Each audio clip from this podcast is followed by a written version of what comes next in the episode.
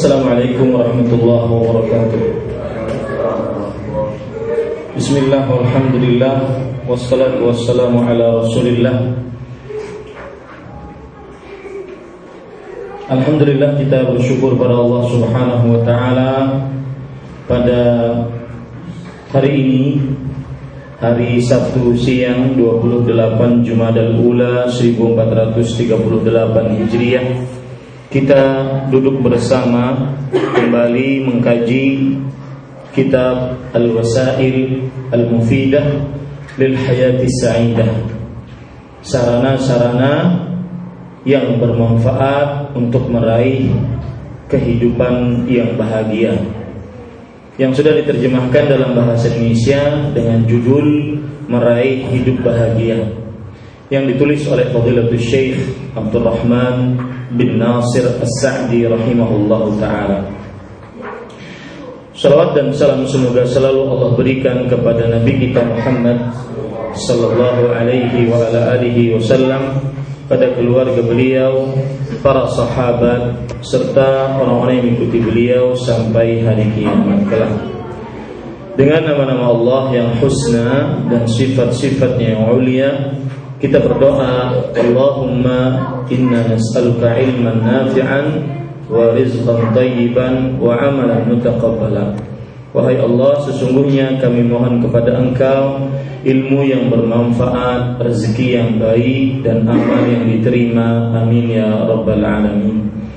Bapak Ibu saudara-saudari yang dimuliakan oleh Allah Subhanahu wa taala, pada kesempatan kali ini kita melanjutkan sarana-sarana untuk meraih kebahagiaan di dalam kehidupan.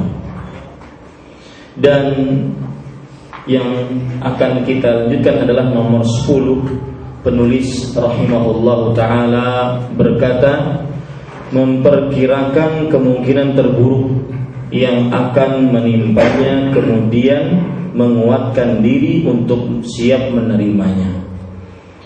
Bapak Ibu saudara-saudari yang dimuliakan oleh Allah Subhanahu wa taala Poin ke-10 ini seakan ber tentangan dengan apa yang sudah kita sebutkan bahwa seseorang tidak boleh untuk berburuk sangka kepada Allah Subhanahu wa taala.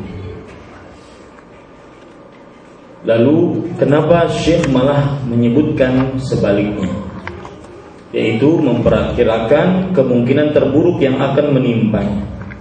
Sebenarnya yang ingin disampaikan oleh Syekh penulis Habib rahimahullah taala adalah bahwa kita senantiasa sebagai seorang muslim harus senantiasa bersandar dengan takdir Allah. Itu yang diinginkan oleh Syekh di dalam bab ini. Harus bersandar dengan takdir Allah Subhanahu wa taala. Mau kita mendapatkan keburukan, mau kita mendapatkan kebaikan, maka sandarkan semuanya kepada takdir Allah Subhanahu wa taala. Karena apa yang didapatkan oleh seorang manusia baik kebaikan, nikmat, kesehatan, nikmat harta, nikmat keluarga, nikmat apa saja yang dianggap sebagai seorang manusia nikmat adalah berasal dari Allah dan sudah ditakdirkan oleh Allah. 50 ribu tahun sebelum penciptaan langit dan bumi Sebaliknya apa saja yang didapatkan oleh seorang manusia dari musibah, ujian baik dalam dirinya seperti penyakit ataupun seperti ujian dalam agama pemahaman-pemahaman yang menyimpang masuk ke dalam pikirannya ataupun ujian di dalam keluarga, anak, istrinya, kakak, adiknya, paman, bibinya, saudara-saudaranya, atau bahkan orang tuanya. Maka yakini baik-baik itu semua adalah sudah takdir Allah Subhanahu wa taala. Ketika penulis mengatakan kemudian menguatkan diri untuk siap menerimanya. Maka Di sini bisa kita tekankan bahwa seseorang akan kuat menghadapi takdir yang dia anggap buruk dengan beberapa sebab. Seseorang akan kuat menerima takdir yang dia anggap buruk dengan beberapa sebab. Satu, bahwa mungkin dia membenci takdir yang dia anggap buruk tersebut. Ternyata di baliknya terdapat nikmat Allah Subhanahu wa taala. Mungkin dia membenci takdir yang dia anggap buruk tersebut. Ternyata di baliknya nikmat Allah Subhanahu wa taala. Yang kedua, agar dia kuat untuk menerima takdir yang dia anggap buruk adalah mengingat pahala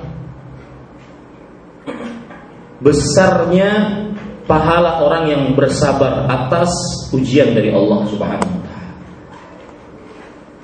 Mengingat besarnya pahala atas ujian dari Allah Subhanahu wa taala. Pahalanya sebagaimana yang disebutkan oleh Allah dalam surat Al-Baqarah surat kedua ayat 155 Wabashiris sabiri dan berikanlah kabar gembira untuk orang-orang yang sabar. Dan setiap kata berikanlah kabar gembira berarti itu adalah surga. Kemudian juga Allah Subhanahu wa taala menyebutkan ulaika alaihim salawatun min rabbihim wa ulaika hu wa rahmah wa ulaika humul muhtadun. Mereka lah orang-orang yang mendapatkan pujian dari Allah Subhanahu wa taala di hadapan para malaikatnya dan kasih sayang dan mereka lah orang-orang yang mendapatkan petunjuk. Ingat itu sehingga dia menguatkan diri untuk siap menerima takdir yang dia anggap buruk.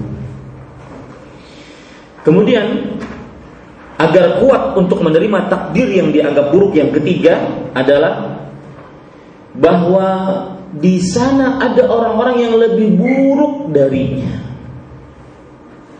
Ada orang-orang yang lebih buruk darinya. Ujian-ujian yang dia dapatkan lebih buruk. Ujian-ujian yang dia dapatkan lebih buruk. Contoh misalkan, saya ingin bertanya, yang bisa menjawab maka dikasih hadiah. Ada seorang laki-laki yang sangat merana menderita dengan takdir-takdir buruk. Yang pertama, lelaki ini mempunyai anak empat perempuan, tiga laki-laki. Tiga-tiganya anak laki-laki ini dari seorang lelaki ini meninggal di masa sebelum dua tahun. Tiga anak laki-laki yang sebenarnya dia adalah penurus untuk dirinya, tetapi meninggal sebelum masa dua tahun. Yang kedua, ujian yang dia dapati empat anak perempuan yang dia miliki, tiga-tiganya meninggal sebelum dia. meninggal pada umur-umur dewasa. Yang ketiga, cucu dari anak-anak perempuan ini. Jadi anak-anak perempuannya ada empat. Si yang pertama menikah, yang kedua menikah, yang ketiga menikah, yang empat yang menikah menikah ini dapat cucu, dapat anak, otomatis cucu sih untuk anak laki-laki tersebut. Cucunya pun meninggal di masa kecil.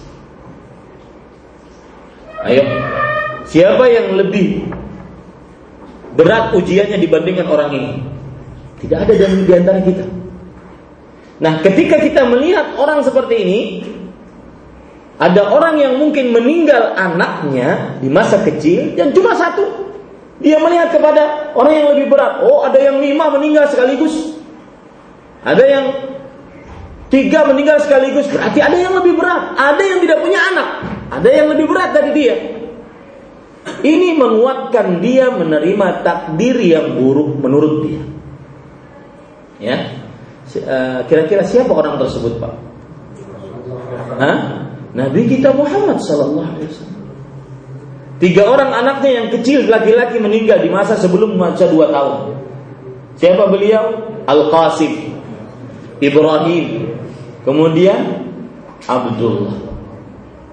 Al-Qasim, Ibrahim, kemudian Abdullah. Empat orang anak perempuannya. Fatimah, Ummu Kalthum, Ummu Zainab, Ruqayyah. Yang tersisa dari empat orang ini hanya Fatimah radhiyallahu anha wa Semuanya meninggal sebelum Rasulullah sallallahu alaihi wasallam. Maka sekali lagi kiat agar sabar menghadapi takdir yang buruk yang buruk menurut dia adalah melihat kepada orang yang di bawah lebih berat keburukannya daripada dia.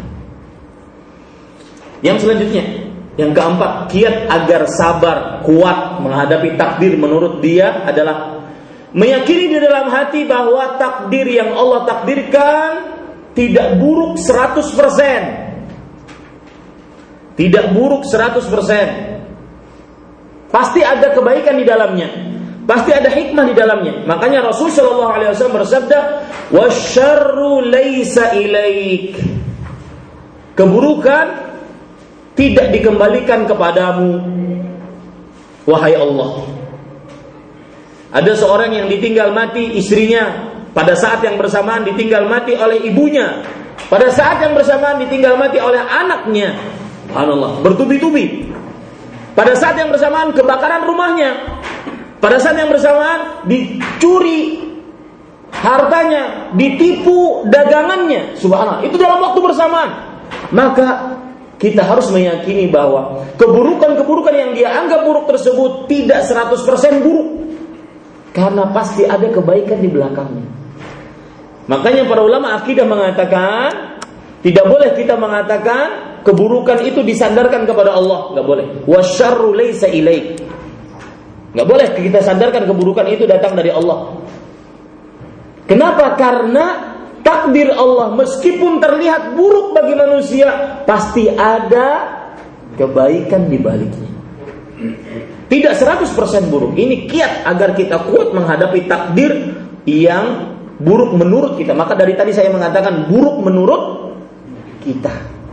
Karena mungkin menurut Allah yang kita tidak mengetahuinya ada kebaikannya.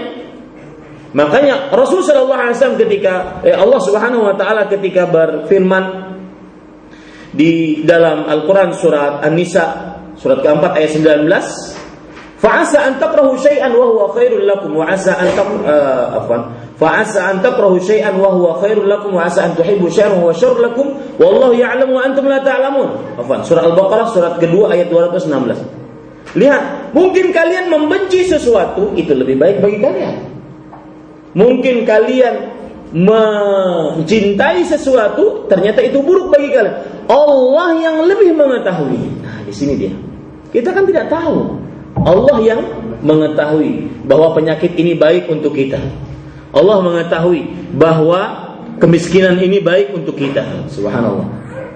Ada hadis Pak menarik disebutkan oleh uh, Al-Hafidh Ibnu Rajab Al-Hambali dalam kitab beliau Jami'ul Ulum wal Hikam. Ini perhatikan terutama yang sakit-sakit sudah berdoa, sudah berobat, kok belum sembuh-sembuh. Yang miskin-miskin sudah berdoa, sudah berusaha, kok belum dapat kunci untuk mendapatkan kekayaan dan semisalnya. Takdir-takdir yang buruk menurut manusia. Perhatikan ini. Kata Rasulullah SAW diriwayatkan karena hadisnya lemah, tapi maknanya sahih. Inna min ibadi sesungguhnya dari hamba-hambaku lau sahahtu lahu jismah la afsadathu sihah kalau aku sehatkan badannya, maka niscaya kesehatannya akan merusak imannya. Maka ditetapkan saja mis apa punya penyakit. Ternyata di balik itu ada hikmahnya. Kalau sehat dia kafir. Ayo milih mana? Sehat kafir atau sakit muslim? Saya memilih muslim sehat. Iya. Jadi ada orang kadang-kadang meminta kesehatan, kesehatan, eh, pengobatan, kesembuhan dari penyakitnya, ternyata nggak dikasih oleh Allah karena ada hikmahnya. Di balik itu ada hikmahnya. Sama kata Rasulullah SAW, Allah berfirman dan hadis ini mas sekali lagi. Maknanya sahih. Inna min ibadi law aghnaytuhu la afsadathu ghina. Ada hamba-hambaku yang kalau seandainya aku kayakan dia, maka kekayaannya akan merusaknya, merusak imannya. Bagaimana tidak merusak? Lawang miskin saja sombong, apalagi kaya. Anda pernah nggak melihat orang miskin sombong? Disebutkan dalam hadis Rasul. Tiga orang yang tidak pernah dilihat, dibicarai, tidak disucikan dosanya, dan baginya siksa yang pedih. Siapa mereka? Salah satunya adalah ailun mustakbir, seorang miskin sombong. Eh hey, kalian orang yang rumah gedongan, tuh rumah saya gubuk kan nggak cocok, ya nggak cocok. Ini bapak ibu saudara saudari yang dimuliakan oleh Allah Subhanahu wa Ta'ala. Baik, kita lanjutkan sekarang. Yang ke sebelas. Tidak panik dan larut dalam bayangan-bayangan buruk. Tidak panik maksudnya jangan tergesa-gesa. Ya, jangan tergesa-gesa. Dan Rasul Shallallahu Alaihi Wasallam menyebutkan sifat yang dicintai oleh Allah adalah tidak tergesa-gesa, penuh dengan kesantunan, kehati-hatian, dan pemikiran yang dalam sebelum berucap dan berbuat.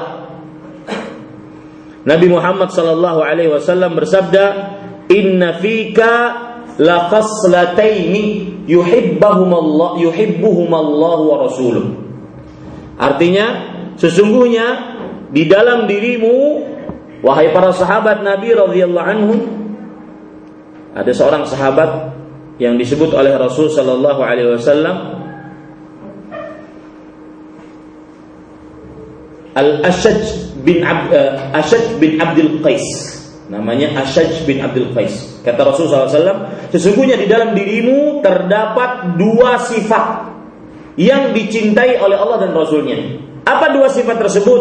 Al-hilmu wal anat. Al-hilm sabar yang menyebabkan tidak cepat balas dendam.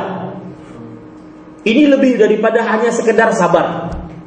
Sudah sabar, tidak cepat balas dendam. Itu namanya hilm. Hilm. Jadi kalau ada nama Hilmi, nah itu kan bapak ibu pukul juga nggak balas dia. Hilmi. Hah? Hilmi. Ya. Yang kedua al-anat. Al-anat adalah pelan-pelan, hati-hati, santun, tidak tergesa-gesa.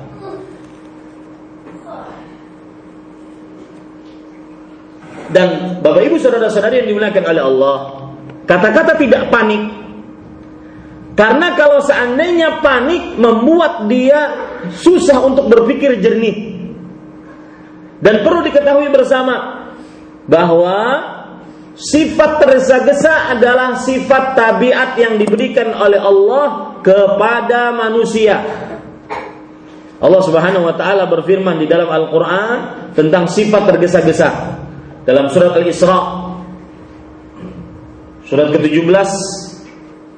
Ayat 11 wa kana al-insanu ajula. Dan manusia itu adalah makhluk yang sering tergesa-gesa. Ajula. Jangan kasih nama anak ajul. Ya kan kadang-kadang ada orang tua yang ingin nama anaknya nyentrik, jarang manusia bernama dengannya. Akhirnya nyari-nyari dalam Al-Quran ada di antaranya Ajul. Ya, oh namanya asik nih Ajul. Kayak nama orang India misalkan. Ajul. Ya, Ajay, Kajol gitu. Ya. Ajul. Ya, ternyata dia tidak paham artinya tergesa-gesa. ada sebagian orang bertanya kepada saya, Ustaz, tolong nama seorang anak laki-laki. Uh, saya alhamdulillah kedapatan anak perempuan, ada anak laki-laki, kelahiran anak laki-laki, diberikan nikmat oleh Allah. Dan kalau bisa namanya yang Islami, tapi nyentrik, jarang manusia bernama dengannya. Saya berpikir, ada apa itu Islami? Nyentrik, jarang manusia bernama dengannya. Fir'aun. Islami kenapa? Di dalam Al-Qur'an. Ya. Nyentrik karena dia tokoh. Kemudian uh, apa namanya? Jarang manusia, jarang jarang manusia bernama. Maka nyari nama nggak perlu yang aneh-aneh. Ajul, ajul itu manusia yang selalu tergesa-gesa. Dan sifat manusia memang dia sering panik, tergesa-gesa. Lihat ayat yang lain.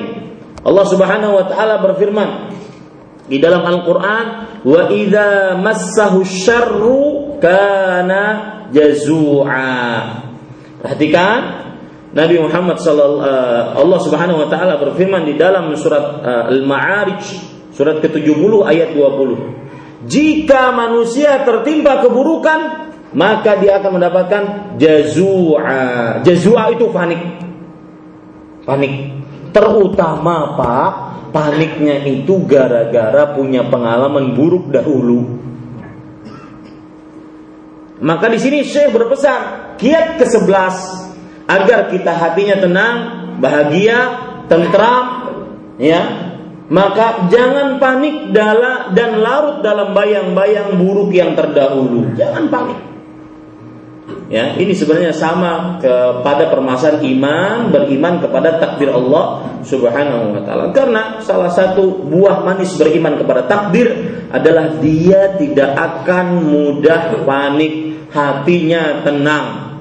Dan sekali lagi saya katakan, sebagian manusia sudah ditabiatkan, bahkan bukan sebagian, seluruh manusia ditabiatkan oleh Allah dia panikan, tergesa-gesa, dan saya pesan kepada ibu-ibu, jadilah istri yang bisa dijadikan curhat oleh suaminya.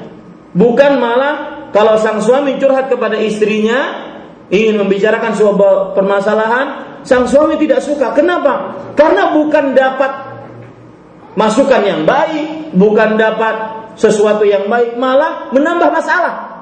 Ada jenis-jenis istri yang seperti itu. Contoh misalkan, ada seorang istri mengatakan, ada seorang suami berkata kepada istrinya, e, wahai istriku, kayaknya sebulan lagi saya akan selesai kontrak kerja di Oman. Maka sang istri langsung mengatakan, lalu kita mau ke mana bang? Lalu anak-anak gimana bang? Lalu uh, nanti kita makan apa bang? Lalu dan lalu bukannya malah mendapatkan solusi, tapi malah mendapatkan masalah lebih banyak. Ini ada jenis-jenis istri yang seperti ini. Ya. Maka saya berpesan kepada ibu-ibu saudari-saudari muslimah, jadilah seperti Ummu Salamah. Sang wanita cerdas pemberi solusi bagi Rasulullah sallallahu alaihi wasallam. Apa itu? Ketika perjanjian Hudaybiyah. Bapak tahu Pak, perjanjian Hudaybiyah itu genting Pak. Lima tahun Nabi Muhammad SAW berhijrah di kota Madinah, tahun ke-6 mereka sudah lama meninggalkan Mekah. Sudah lama tidak tawaf di Ka'bah. Rindu benar-benar rindu ingin tawaf di Ka'bah. Maka tahun ke-6 Hijriah mereka pergi dari kota Madinah berihram, tidak bawa senjata apa-apa. Hanya tujuannya ingin berumrah. Di daerah namanya Hudaybiyah, sekitar 25 eh, kilo dari kota suci Mekah, ditahan oleh orang-orang musyrik, tidak boleh kalian. Terjadilah perjanjian apa? Hudaybiyah. Tidak boleh berumrah, umrahnya tahun depan. Maka Rasul SAW mengatakan, sudah kita berumrah tahun depan. Dan kalian semua wahai para sahabat bertahalul. Tidak ada seorang pun yang bertahalul. Bukan karena menentang Rasulullah. Tapi karena keinginan mereka ingin untuk berumrah 6, 5 tahun. Tidak tawaf di Ka'bah. Lagian ingin tawaf, lagian ingin uh, berumrah dihalang-halangi tanpa ada sebab. Maka Rasulullah SAW kesal masuk ke dalam uh, tenda beliau, mendapati Ummu Salam Ummu Salamah mengatakan, lihat Ummu Salamah subhanallah. Beliau mengatakan, wahai Rasulullah, ada satu cara. Engkau keluar, kemudian tanpa bicara dengan seorang pun, panggil tukang cukur, kemudian suruh mencukur rambutmu dan suruh menyembelih hadiumu. Ah, Bapak Ibu saudara-saudari yang dimuliakan oleh Allah, melihat keadaan itu para sahabat akhirnya mengikuti Rasulullah. Ini satu contoh. Lihat contoh yang kedua. Juga istri Rasul sallallahu. Yang pertama, Khadijah bintu Khuwailid al-Kubra. Lihat, ketika Rasul wasallam curhat kepada Khadijah, beliau akan mendapatkan wahyu di Gua Hira. Kemudian beliau pulang dalam keadaan punya rasa takut, menggigil badannya, Kemudian beliau mengatakan, Inni khasyitu ala nafsi. Wahai Khadijah, aku takut. Kenapa Rasulullah SAW takut? Jangan-jangan yang datang ini bukan Jibril. Jangan-jangan syaitan atau jin. Makanya beliau takut. Zammiluni, zammiluni kata beliau. Kata kata beliau kepada Khadijah radhiyallahu anha wa Selimuti aku, selimuti aku. Lihat Khadijah waktu itu tidak berbicara satu patah kata pun. Begitulah semestinya seorang istri. Ketika suaminya curhat keadaan dirinya, keadaan pekerjaannya, keadaan uh, ekonominya, keadaan tenang menghadapi suaminya. Jangan malah menambah nambah masalah untuk suaminya. Diselimutilah Rasul Shallallahu Alaihi Wasallam. Apa yang terjadi? Ketika Rasul SAW berkata, Ini khasyitu ala nafsi. Wahai Rasul, wahai Khadijah, aku takut terhadap diriku. Saat itulah Khadijah mengangkat kondisi perasaan Rasulullah SAW. Dan ini ditulis dalam buku sejarah dengan tinta emas sebagai pelajaran menarik untuk para istri. Yaitu ketika sang suami curhat, jangan menambah-nambah masalah terhadap suami. Apa yang dikatakan oleh Khadijah? Kalla. La yukhzikallahu abada. Tidak sama sekali wahai suamiku. Allah tidak akan menghinakanmu selamanya. Kok bisa? Innaka tasilur rahim. Karena engkau menyambung hubungan kekerabatan. Wa tuqril ghaib. Memuliakan tamu. Wa taksibul ma'dum. Dan memberikan bantuan kepada orang yang tidak memiliki. Wa tu'inu ala nawaibil haq. Dan engkau menolong orang-orang yang memperjuangkan kebenaran. Tidak mungkin Allah akan menyengsarakanmu. Lihat, kemudian timbullah perasaan tegar dari Rasulullah SAW. Akibat istri yang juga pantas mendampingi Rasul Sallallahu Alaihi Wasallam. Sekali lagi Bapak Ibu, saudara-saudari, ya salah satu sifat jadi sifat siapa uh, manusia adalah cepat panik, cepat panik. Ada janji iPhone Bapak Ibu saudara-saudari yang dimuliakan oleh Allah Subhanahu wa taala, Ya. Ini banyak yang lagi nonton jadi kalau mati dia kasihan.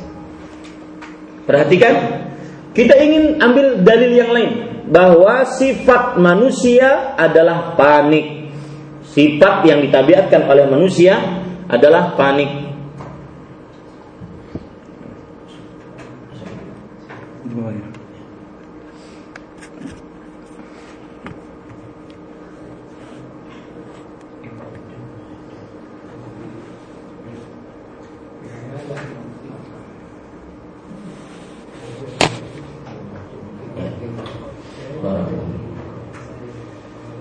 Ya, kita lanjutkan Bapak Ibu saudara-saudari yang dimuliakan oleh Allah Subhanahu wa taala. Perhatikan baik-baik. Dari yang lain. Saking paniknya manusia dan jangan berbuat seperti ini ya, Pak ya. Kadang-kadang saking paniknya manusia, dia berdoa keburukan untuk dirinya. Sebagaimana dia meminta kebaikan. Dia berdoa keburukan untuk dirinya sebagaimana dia meminta keburukan saking paniknya manusia. Lihat Allah Subhanahu wa taala berfirman akan hal itu di dalam surah Al-Isra surat ke-17 ayat 11. Wa yad'ul insanu bisyarri du'aahu bil khair. Dan manusia berdoa keburukan meminta keburukan sebagaimana dia meminta kebaikan. Saya ingin interaktif. Ibu-ibu dulu.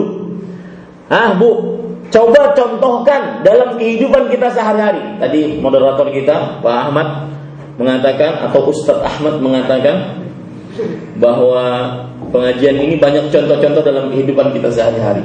Ah, bagaimana Bu contohnya? Manusia sering berdoa keburukan sebagaimana dia berdoa meminta kebaikan kalau lagi panik. Silakan Bu, pakai mic-nya.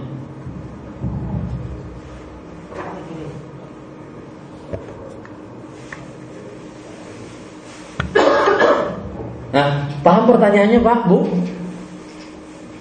Saking paniknya, kadang-kadang seorang manusia berdoa kepada Allah untuk keburukan dirinya sebagaimana dia berdoa minta kebaikan kepada Allah saking paniknya ah bu gimana Assalamualaikum warahmatullahi wabarakatuh. Waalaikumsalam warahmatullahi wabarakatuh. Silakan.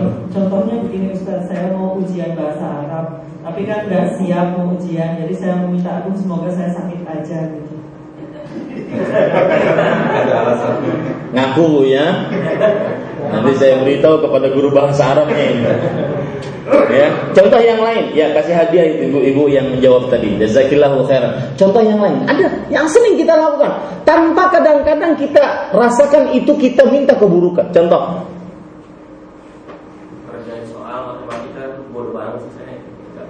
Eh, kayaknya bapak-bapak nggak ngerjain soal matematika lagi deh. Yang dalam kehidupan sehari-hari. Jalan. Hah? Sial.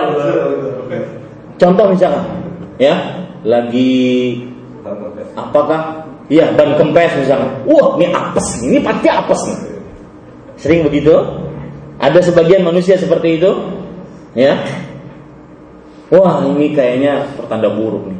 Ini pengalaman banget. Ada, orang mengatakan seperti itu kepada saya. Ustadz, saya mau memulai sesuatu, tapi kayak kayaknya ini sudah pengalaman 10 tahun pasti kalau diawali seperti ini buruk nih. Ini sama orang saking paniknya dia mendoakan keburukan untuk dirinya sebagaimana dia mendoakan minta kepada Allah kebaikan untuk dirinya. Paham maksud saya? Ya, sering kalau lagi panik dia mengatakan ini kayaknya nggak baik. Ini sudah, ah sudah nggak jadi deh. Sering seperti itu. Ini apes nih. Sering banget seperti itu. Ada manusia yang seperti itu. Ini disebutkan oleh Allah dalam surat Al-Isra surat ke-17 ayat 11. Baik, maka agar kita bahagia, tenang, nyaman, tentram, jangan terlalu panik. Ya. Nah, saya ingin bertanya lagi, bagaimana cara agar tidak terlalu panik? Kembalikan kepada rukun iman yang mana? Takdir. Kembalikan kepada rukun iman, beriman kepada takdir Allah. Yang menimpamu kalau memang sudah takdirmu tidak akan pernah meleset. Yang belum menimpamu karena belum takdirmu tidak akan pernah terkena. Nah, ini. Pada saat itu kita tidak akan panik.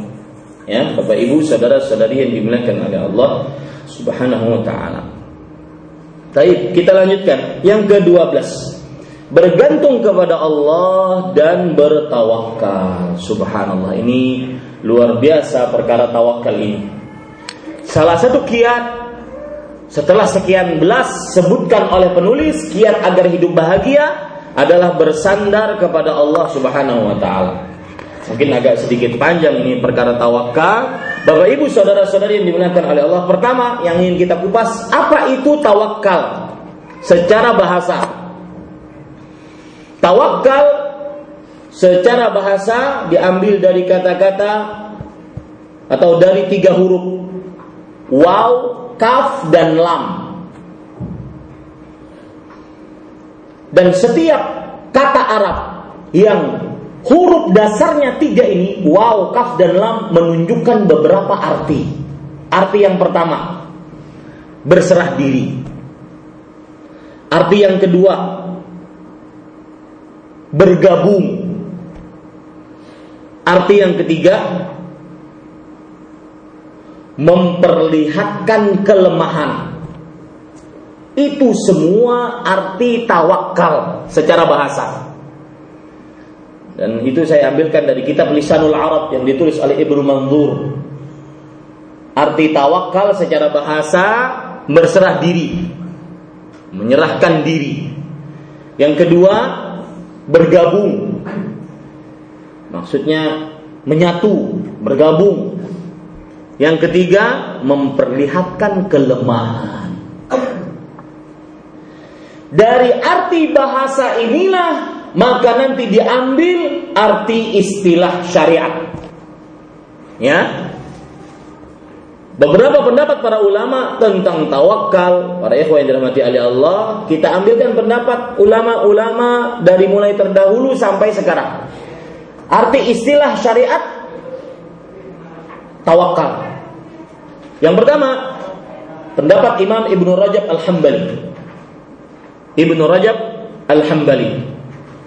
Tawakal artinya adalah sidqu i'timadil qalbi 'ala Allah 'azza wa jalla fi istijlabil manafi' wa daf'il madar min umuri dunya wal akhirati kulliha.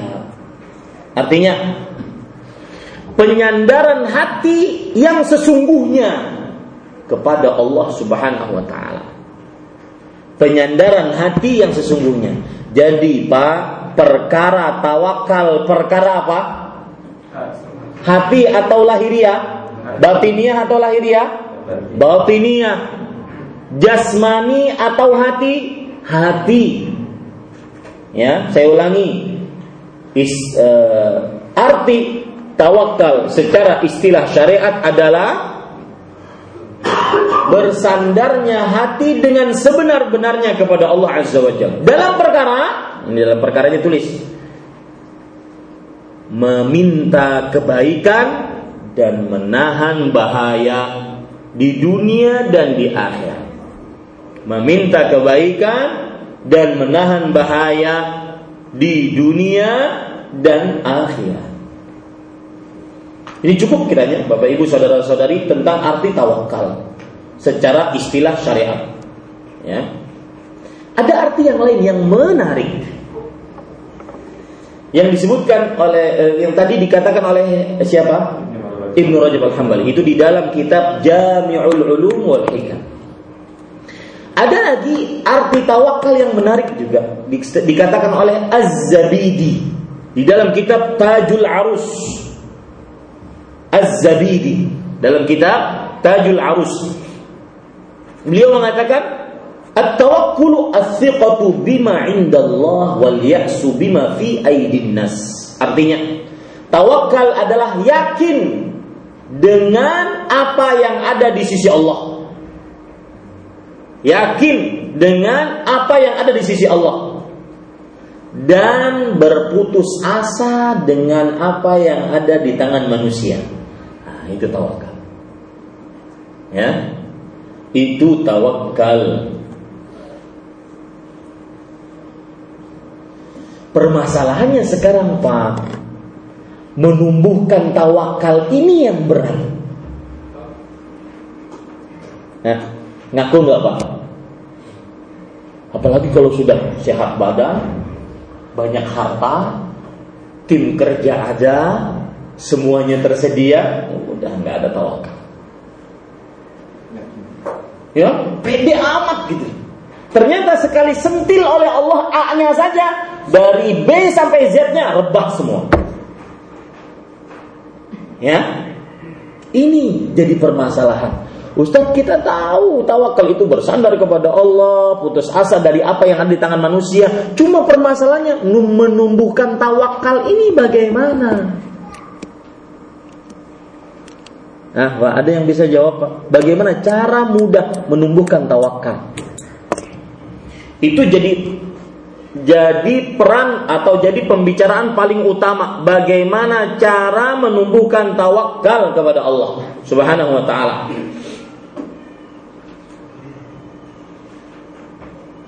Nah, ibu-ibu, ada yang nyoba?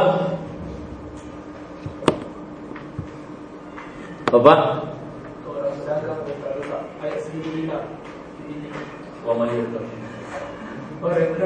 Seorang pedagang meletakkan jimat. Ayat seribu dinar. Barang siapa yang bertakwa kepada Allah maka barang siapa yang bertawakal kepada Allah maka wa man yatawakkal 'ala Allah fa huwa hasbuh barang siapa yang bertawakal kepada Allah maka dia dialah Allah sebagai pencukupnya itu nilai tawakal yang kita bicarakan sekarang bagaimana menumbuhkan tawakal kepada Allah Paham maksud saya Pak? Anda ingin didik Anda menjadi anak yang saleh. Kita harus bertakwa kepada bertawakal kepada Allah agar anak kita menjadi anak yang soleh sehingga kita ketika masuk ke dalam kuburan tinggal satu tulang ekor anak tersebut menjadi anak yang soleh mendoakan kita maka kita bersandar kepada Allah nah menumbuhkan rasa sandaran itu kepada Allah bukan bersandar hanya kepada teori semuanya sandang pangan kita sudah siapkan guru privat kita datangkan ya Bukan hanya bersandar kepada itu, tapi bersandar kepada Allah. Bagaimana caranya? Nah. Waalaikumsalam warahmatullahi Silahkan Bu. Ya yakin dengan takdir Allah dan apa yang diberikan Allah itu adalah yang terbaik buat kita. Yakin dengan takdir Allah dan apa yang diberikan oleh Allah itu akan menumbuhkan tawakal kepada kita. Jawabannya masih di sekitar pagar, belum masuk. Ya, udah pegang pintu itu dan pegang pintu. Yang benar adalah perhatikan. Kita akan bisa menjawab ketika kita mengetahui kebalikannya. Kenapa orang tidak mau bertawakal? Karena bergantung kepada selain Allah. Kenapa orang bergantung kepada selain Allah?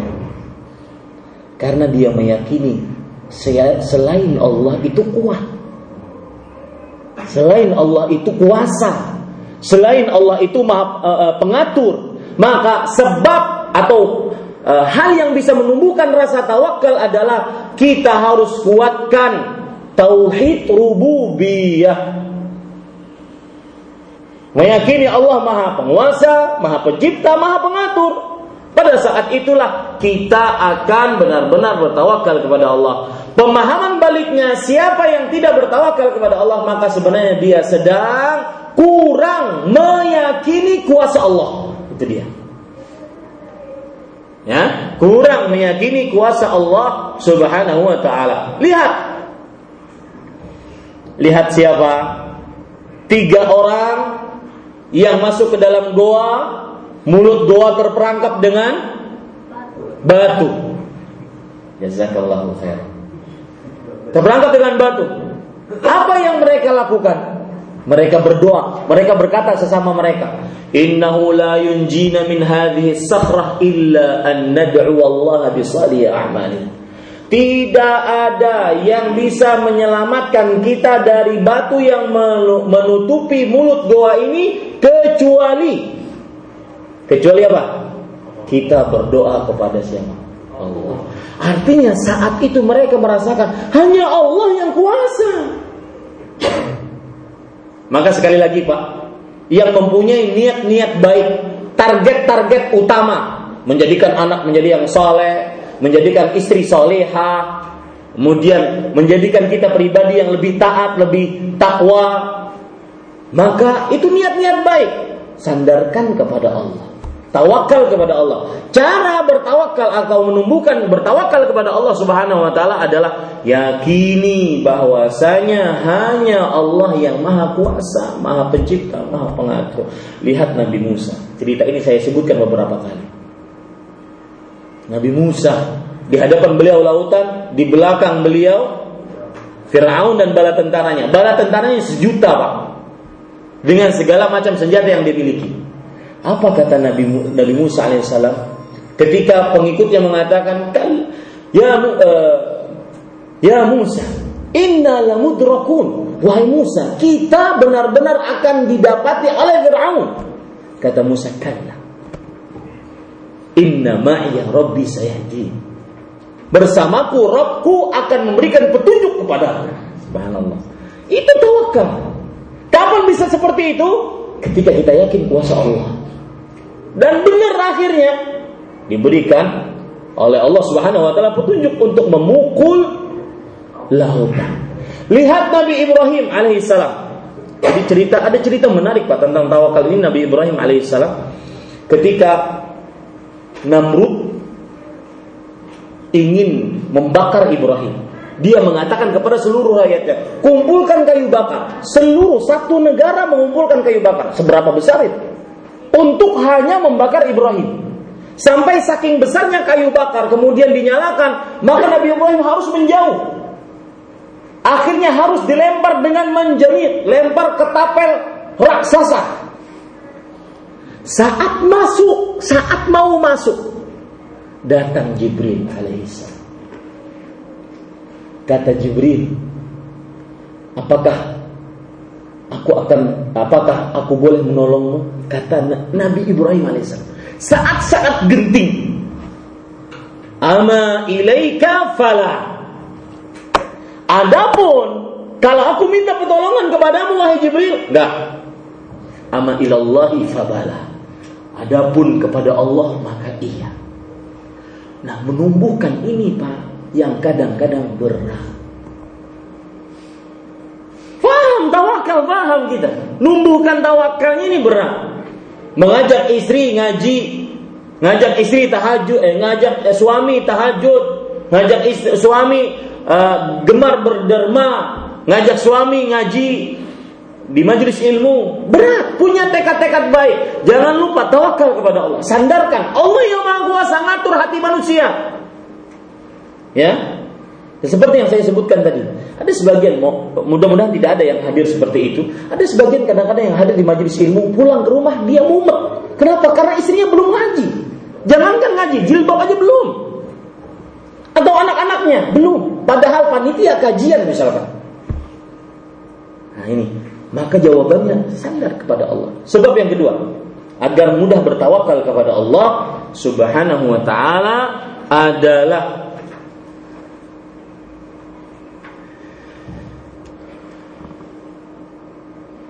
yaitu merasa tidak ada yang dapat memberikan jalan keluar kecuali Allah. Merasa tidak ada yang dapat memberikan jalan keluar kecuali Allah Subhanahu wa taala. Ada perkara menarik Bapak Ibu saudara-saudari yang dimuliakan oleh Allah Subhanahu wa taala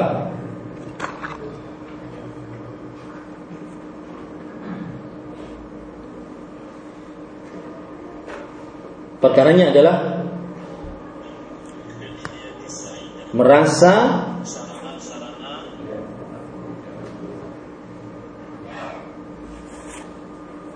tidak ada yang memberi jalan keluar, solusi apa pun kecuali Allah. Dan itu kita harus tumbuhkan. Dan itu biasanya datang pas saat-saat saking-saking gentingnya. Lihat perkataan Al-Hafidh Ibn Rajab. Innal karba idza ishtadda wa ta'azama wa tanaha hasala lil 'abdi al-iyas an kashfihi min jihati al-makhluqin. Fata'allaqa qalbuhu billahi wahdahu. Sesungguhnya seorang hamba jika masalahnya semakin sulit, semakin memuncak, semakin besar. Maka akhirnya di dalam hati hamba tersebut terdapat putus asa minta bantuan kepada makhluk. Ini dia. Ada orang kadang-kadang ah tenang aja ngantri sedikit bayar berapa sih? Gitu. Ya kan? Sandar kepada uang. Urusan sedikit tidak lancar, di mana urusannya? Oh di polisi ya. Oh ada teman saya telepon dia tatkala itu semua tidak ada, maka dia mulai putus asa minta bantuan kepada makhluk. Kalau sudah putus asa minta bantuan kepada makhluk, apa yang terjadi? Yang terjadi adalah ta'allaqa qalbuhu billahi wahda. Bergantunglah hatinya kepada Allah semata. Kalau sudah bergantung kepada Allah, apa yang terjadi? Wa man tawakkala 'ala Allah fahuwa kafih. Yang bergantung kepada Allah maka dialah pencukupnya. Nah, ini sebab yang kedua menumbuhkan rasa tawakal kepada Allah Subhanahu wa taala. Baik, Bapak Ibu saudara-saudari, perlu hal yang selanjutnya yang kita ingin bicarakan dalam perkara tawakal ini adalah bahwa siapa yang bersandar kepada Allah, Allah mencukupkannya. Lihat kata-kata cukup, tidak mesti harus lebih. Nah, itu itu poin. Karena Allah di sini berfirman, "Fahuwa hasbuh." Allah pencukupnya, tidak mesti harus lebih. Kalaupun dalam peperangan dia cukup memukul mundur, itu sudah nilai tawakal. Kalaupun seandainya dia berobat, kemudian dia bersandar kepada Allah, akhirnya sembuh, meskipun belum total sembuhnya, stroke meskipun belum total sembuhnya, tetapi sudah cukup, cukup itu. Itu hasil tawakal. Karena sebagian orang mengatakan, Ustadz katanya tawakal akan ada jalan keluar. Maka kita katakan jalan keluarnya apa? Cukup. Cukup. Tidak mesti harus berlebih. Ya, ini beberapa poin tentang tawakal. Saya ulangi. Yang pertama, definisi tawakal secara bahasa dan secara istilah syariat. Yang kedua, bagaimana cara menumbuhkan di di dalam diri agar bisa bertawakal. Yang pertama, kuatkan tauhid rububiyah. Yang kedua, yaitu yakini tidak ada yang bisa menolong tidak ada jalan keluar kecuali dari Allah Subhanahu wa taala. Dan itu biasanya terjadi kalau sudah mepet-mepet, Pak. Mepet. 15 tahun nikah belum dapat anak, baru ya sudah deh sandar aja kepada Allah.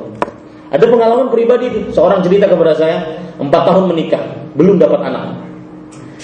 Kemudian dia mengatakan kepada istrinya, "Ya sudahlah. Kita cukupkan untuk usaha Tetap kita berdoa, tetap kita makan obat, tetap kita usaha sana sini, tetapi sandarkan semuanya pada Allah. Karena istrinya pak, istrinya setiap bulan stres. Kenapa? Kenapa stres? Setiap kali haid stres. Nggak jadi hamil, nggak jadi hamil. Bahkan sampai suaminya mengatakan, kalau tahun yang kelima tidak hamil, mohon maaf. Mungkin saya akan cari seseorang yang bisa mendatangkan keturunan untuk saya. Saat itu istrinya tidak stres lagi. Bapak tahu kenapa tidak stres lagi? Hah? Apa rahasianya? Ya sudahlah, kalau seandainya memang tahun kelima ini nggak bisa, ya silahkan itu hak untuk meminta keturunan. Saat bersandar itulah Allah kasih. Subhanallah. Dan ini ceritanya Bahkan yang cerita seorang pendakwah bukan orang sembarang. Dan biasanya kalau sudah dikasih satu setelah terlambat, maka dia akan datang cepat karena tempatnya sudah tahu dia menujunya ke mana. Ya, ini Bapak Ibu saudara-saudari yang dimuliakan oleh Allah. Kemudian yang ketiga yang ingin saya sampaikan dalam tawakal tadi kata-kata hasbu. Ingat nilai tawakal bukan berlebih tetapi apa? Cukup. Kita bertawakal kepada Allah demi kesembuhan anak. Ternyata anaknya sembuh tapi belum sempurna. Ternyata itulah cukup baginya. Kita bertawakal kepada Allah demi ke ke lapangan rezeki. Ternyata cukup bagi kita meskipun masih ngontrak rumahnya misalkan. Itu cukup. Itulah nilai tawakal. Jadi tidak mesti harus apa? Poin keempat yang ingin saya sampaikan dalam perkara tawakal, tawakal tidak menafikan mengambil sebab. Ya, tawakal tidak menafikan mengambil sebab. Jadi bukan berarti orang yang bertawakal tidak usaha. Itu namanya pasrah. Dalam bahasa Arab pasrah tawakul. Panjang waknya. Tawakul. Sedangkan yang benar adalah tawakal. Tawakul adalah pasrah. Tidak usaha. Dan ini keliru para ikhwan yang dirahmati oleh Allah Subhanahu wa taala. Lihat Nabi kita. Beliau Sayyidul Mutawakkilin, pemimpinnya orang-orang bertawakal. Tetapi kalau perang tetap pakai baju perang tidak? Tetap. Ini menunjukkan bahwasanya bertawakal tidak menafikan apa? Mengambil sebab. Nabi Muhammad SAW pada peperangan Uhud pakai baju perang dua lagi pakainya, dua, dua lapis baju perang. Bukan berarti orang yang tidak bertawakal, eh, orang yang bertawakal tidak mengambil sebab. Contoh misalkan ada mobil, nih kita parkir mobil, mobilnya eh, parkir sudah biarin begitu, ya nggak dikunci nggak diapa. Ketika ditanya Pak, nggak dikunci Pak, tawakal. Benar nggak itu? Salah. Ada hadis Rasul dalam hal ini. Seorang datang kepada Rasul Sallallahu eh, ke masjid Nabi Muhammad SAW, kemudian dia membawa onta. Wahai Rasulullah, apakah aku onta ini aku tambatkan, kemudian aku bertawakal, ataukah aku biarkan kemudian aku bertawakal? Kata Rasul SAW, Iqilha wa tawakal. Tambatkan, ikat dan tawakal. Ini menunjukkan bahwasanya tawakal tidak menafikan apa arti menafikan, Pak? Meniadakan, tidak meniadakan pengambilan sebab. Nah, sekarang timbul pertanyaan. Pak Ahmad, saya ingin nanya. Kalau naudzubillah mudah-mudahan tidak terjadi. Anak sakit. Bolehkah orang mengatakan, "Pak, nggak dibawa ke dokter?" Kata dia, "Saya bertawakal aja kepada Allah." Boleh atau tidak?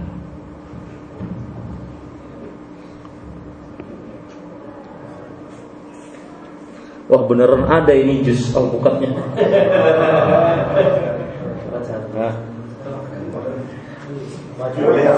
Iya. Pertanyaannya bisa dipahami Pak, Bu? Bisa ya? Ada anak sakit, orang tuanya ditanya, Pak nggak bawa obat? Dia katakan, ah saya tawakal aja Ustaz. Nggak usah berobat. Pertanyaannya, boleh atau tidak? Sebenarnya jawabannya mudah, antara dua.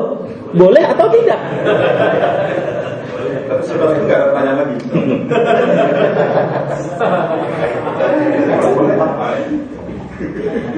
ah, kita kalau di Banjar itu mengambil K ya antara orang yang sudah dewasa. Ah, boleh. Boleh. Berarti nggak berobat. Mau meskipun sekarat, dia katakan, saya tawakal, nggak usah obat.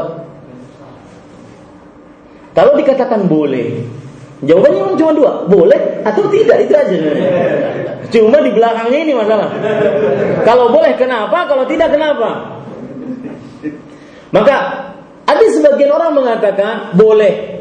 Kenapa? Karena saya bertawakal kepada Allah. Oke, Anda disuruh mengambil sebab. Maka kita katakan dalam urusan berobat, sebab itu hanya anjuran, tidak wajib. Mereka yang mengatakan seperti itu. Dan Allah subhanahu dan Rasul Wasallam mengatakan 70 or 70 ribu orang yang masuk surga tanpa hisab tanpa azab mereka lah orang-orang yang bertawakal. Jadi boleh dibiarkan sampai mati. Bukan kita membiarkan, kita bertawakal kepada Allah. Ini boleh. Ya, ini pendapat pertama. Pendapat yang kedua tidak boleh harus berobat dan berobat itu termasuk dari bagian tawakal. Dan ini yang lebih kuat. Ya, mohon dicatat itu perbedaan pendapat di antara para ulama dalam perihal berobat atau dalam perihal mengambil sebab gitu lah ya. Apakah mengambil sebab wajib ataukah tidak?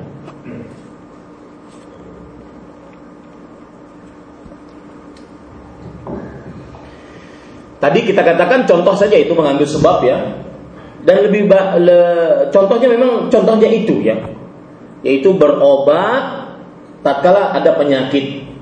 Pendapat yang pertama mengatakan saya tidak berobat tapi saya hanya bertawakal kepada Allah. Maka pendapat ini mengatakan boleh untuk tidak berobat. Karena dia mengatakan bahwa semurni-murni tauhid adalah orang yang menyerahkan diri kepada Allah Subhanahu wa taala. Dan itulah sebenar-benar tawakal. Dan mengambil sebab hanya anjuran, tidak wajib. Ini pendapat yang pertama. Pendapat yang kedua yang lebih kita kuatkan, yaitu sangat dianjurkan untuk mengambil sebab, yaitu berdoa, berobat. Berobat.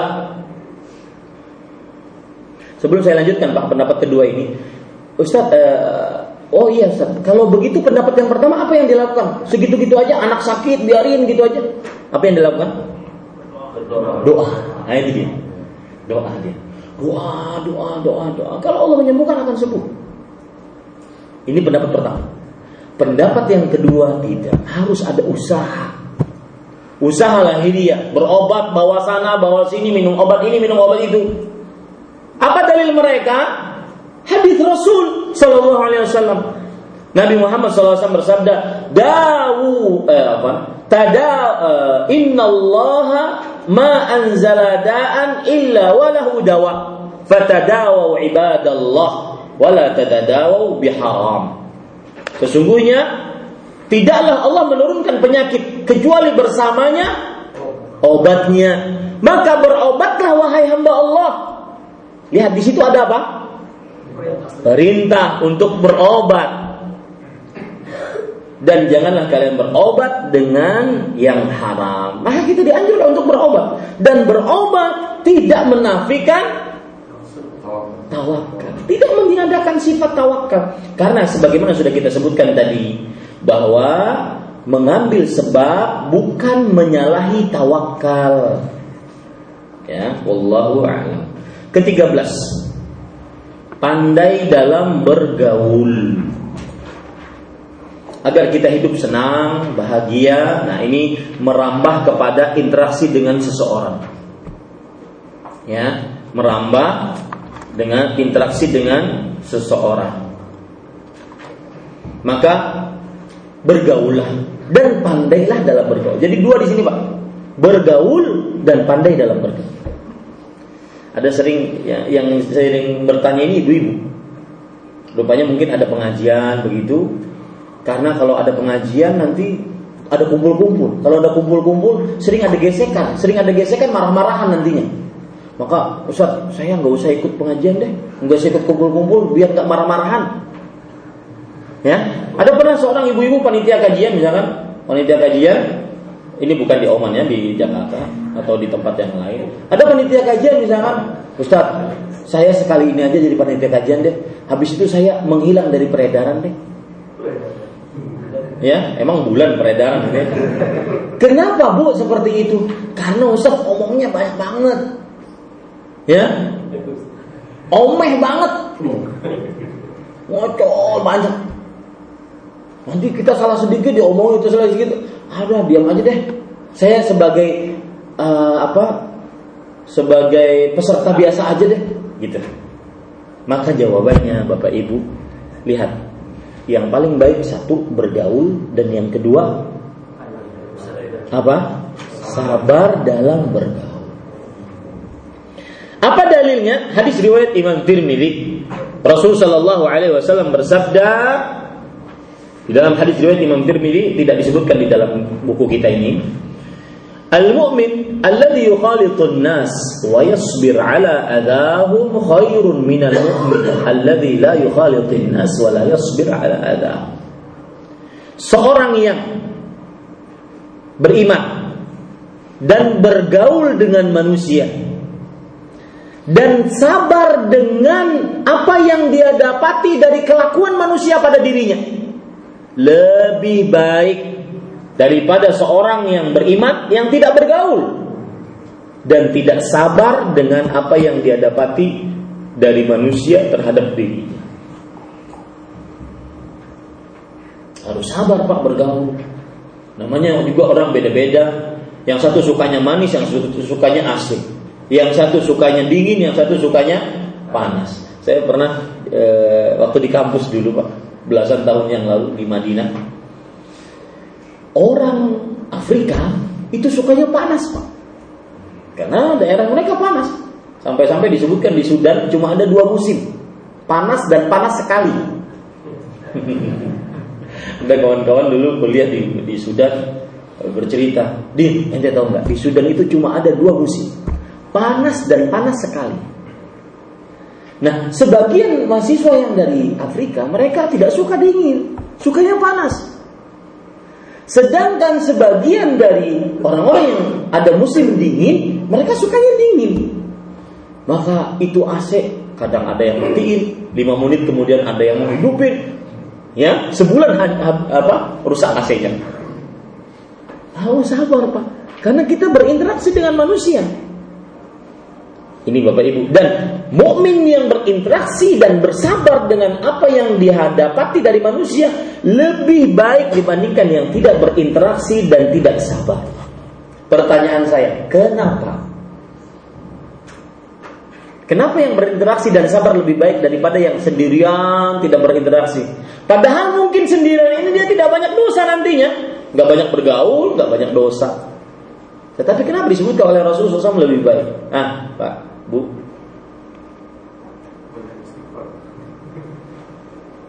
Kenapa yang bergaul dan bersabar lebih baik? Itu pertanyaan saya. Daripada yang tidak bergaul dan tidak sabar. Karena yang bergaul karena yang bergaul itu dia kalau dia berhasil dia menerapkan amalan sabar. Karena yang bergaul kalau dia berhasil berarti dia menerapkan amalan sabar dan amalan sabar berpahala tanpa batas. Baik, baik. Ada yang lain? Bapak-bapak? Nah. Karena kalau tidak bergaul roda dunia akan berputar. Karena tidak bergaul roda dunia akan berputar. Kalau kita bergaul. Kalau kita bergaul roda dunia akan berputar. Kalau tidak bergaul enggak enggak stop. Iya. Karena orang yang bergaul akan tahu kelemahan dan. Karena orang yang bergaul akan tahu kekurangannya, koreksian dari orang lain. Ada satu yang luar biasa. Kenapa saya beri clue ya, clue. Kenapa orang berilmu lebih utama dibandingkan ahli ibadah? Hah? Orang berilmu bisa ngasih manfaat. Orang yang bergaul dia bisa ngasih manfaat kepada orang lain. Ya, dibandingkan dia sendirian. Oke kalau sendirian dia di rumah zikir, hafal Quran, beribadah. Iya baik itu. Ada yang lebih baik. Siapa yang bergaul bisa menebarkan kebaikan. Contoh Rasulullah Sallallahu Alaihi Wasallam yang dikatakan oleh Khadijah tadi. Wahai Rasulullah, tidak mungkin Allah menghinakanmu. Engkau memuliakan tamu, bergaul kan? Engkau menolong orang yang tidak punya. Engkau menolong orang yang memperjuangkan kebenaran. Bergaul semua itu. Nah ini Bapak Ibu, saudara-saudari yang dimuliakan oleh Allah. Jadi poin pertama, ya nomor ke-13 ini harus bergaul dan harus bersabar dalam bergaul atau bahasa penulis pandai dalam bergaul. Poin yang kedua yang kita sampaikan tadi, kenapa bergaul lebih utama dibandingkan tidak bergaul? Karena yang bergaul bisa lebih mendapatkan pahala yang besar yang lebih banyak dibandingkan yang tidak bergaul. Ya. Poin ketiga yang kita sampaikan tadi bahwa dalam pergaulan pasti ada gesekan, mau tidak mau, Pak. Ya, mau tidak mau. Jangankan di keluarga muslim biasa, di keluarga Rasulullah terjadi gesekan tidak? Terjadi. Contohnya, ada yang bisa ngasih contoh? Hah? Ali dan Fatimah radhiyallahu anha warḍaha. Ya, marah-marahan. Kemudian Ali pindah apa keluar dari rumah pergi menuju masjid. Dan ini salah satu adab tatkala ada permasalahan dengan keluarga, maka datangilah rumah Allah. Ya, jangan pergi ke mana-mana. Ada sebagian orang pak, ini kejadian nyata nih. Ada sebagian ustaz, saya kalau lagi kesel ustaz, saya ambil motor, saya muter kota sampai habis bensin. Lu kok bodoh sekali nih orang. Ya, Sampai habis bensin, beliau bilang begitu. Maka tidak benar. Lihat Ali bin Abi Thalib. Ada permasalahan dengan istrinya Fatimah binti Rasulullah. Anak perempuannya Rasulullah SAW. Beliau pergi ke masjid. Ya. Bermunajat di sana. Di rumah Allah Subhanahu Wa Taala. Maka pasti ada keburukan. Contoh yang lain. Ada gesekan di, di rumah tangga Rasulullah SAW. Apa itu? Antara Rasulullah dengan siapa? Sallallahu Alaihi Wasallam. Dengan Aisyah. Aisyah cemburu Giliran beliau, misalkan ini giliran giliran saya, eh, giliran beliau masuk Rasulullah SAW di sini. Eh ada tamu bawa makanan. Tak makanan itu dari istri sebelah. Yang itu juga istri Rasulullah. Kenapa beliau cemburu? Coba bayang. Ah, ah, coba saya ingin penjelasannya. Kenapa beliau cemburu? Karena Pak yang namanya poligami, kalau seandainya istri sudah mendapatkan giliran, ini hak milik saya, meskipun dua kali, satu kali 24 jam. Gak ada yang ganggu. Ya, walaupun ngasih makanan, dikira oleh Aisyah bahwasanya yang ngasih makanan ini mengira bahwa beliau tidak bisa ngurus Rasul Shallallahu Alaihi Wasallam. Enggak, enggak perlu. Ini milik saya sekarang. Begitu dalam dunia poligami katanya. eh belum nyoba, eh belum nyoba.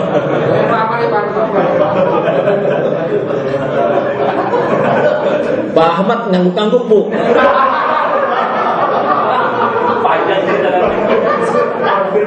Ah, nggak bisa pulang kayaknya nih. Masjid ya, masjid. Masjid Jawawi.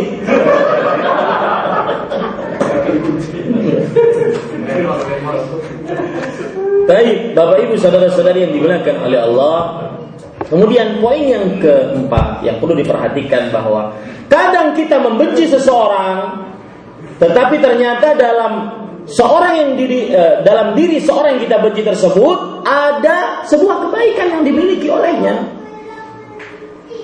Sebagaimana dalam hadis yang disebutkan dalam eh, dalam eh, apa namanya? Buku kita ini. Hadis riwayat Muslim Rasul sallallahu alaihi wasallam bersabda, "La yafruq mu'minun mu'minatan in kariha minha khuluqan radiya minha akhar." Artinya, hendaklah seorang mukmin laki-laki yaitu suami tidak mencela mukmin wanita yaitu istri jika dia membenci salah satu perilakunya masih ada perilaku lainnya yang dia ridhoi. Nah, Pak, hadis ini ada faedahnya. Salah satu faedahnya Pak ya, dengan memahami hadis ini, maka kita akan mudah memaafkan kesalahan pasangan kita. Atau bahasa lain, kiat mudah memaafkan kesalahan pasangan tatkala dia berbuat salah adalah cari kebaikan-kebaikan yang dimiliki oleh pasangan kita. Baik itu istri mencari kebaikan pas, uh, suaminya, suami mencari kebaikan istrinya. Kalau sang suami lagi marah terhadap istrinya, cari kebaikan-kebaikan yang dimiliki oleh istrinya. Kalau sang istri lagi marah kepada suaminya, cari kebaikan-kebaikan yang dimiliki oleh suaminya. Itu cara mudah memaafkan pasangan kita, memaafkan istri kita ataupun suami kita. Cari kebaikan-kebaikan.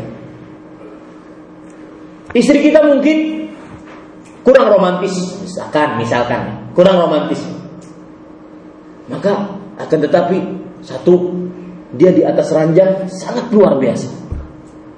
Atau yang kedua, ngurus anak-anak sangat luar biasa. Anak 4 tahun ikronya sudah selesai.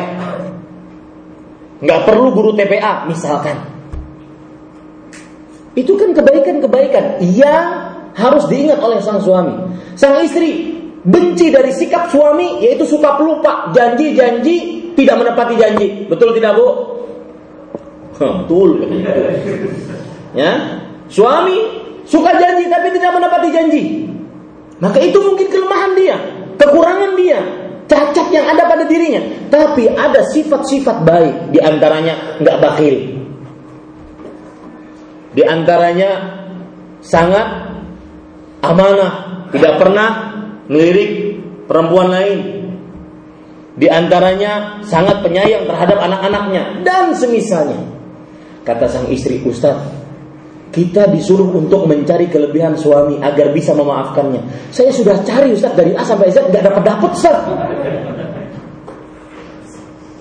Maka pasti ada. Kiat agar mudah memaafkan pasangan adalah mencari kelebihan sang sang pasangan tersebut. Wallahu a'lam. Yang keempat belas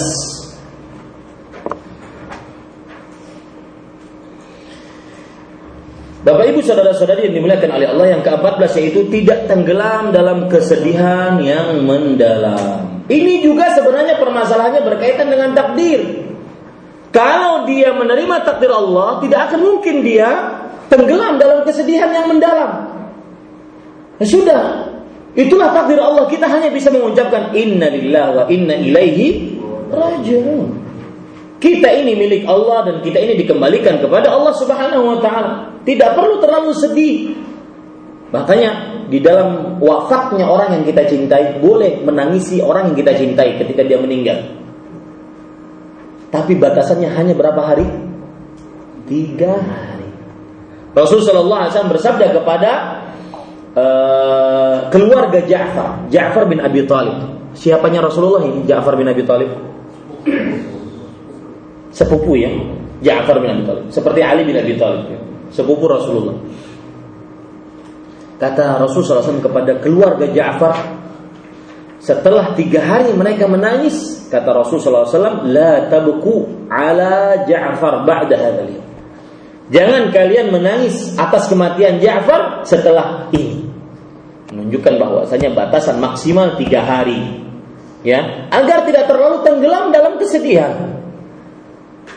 Ini Bapak Ibu, saudara-saudari yang dimuliakan oleh Allah Subhanahu wa taala. Kemudian timbul pertanyaan disebutkan oleh penulis di sini. Bagaimana agar tidak terlalu tenggelam dalam kesedihan yang mendalam? Saya katakan tadi kiat pertama, yakini itu takdir Allah. Kiat yang kedua,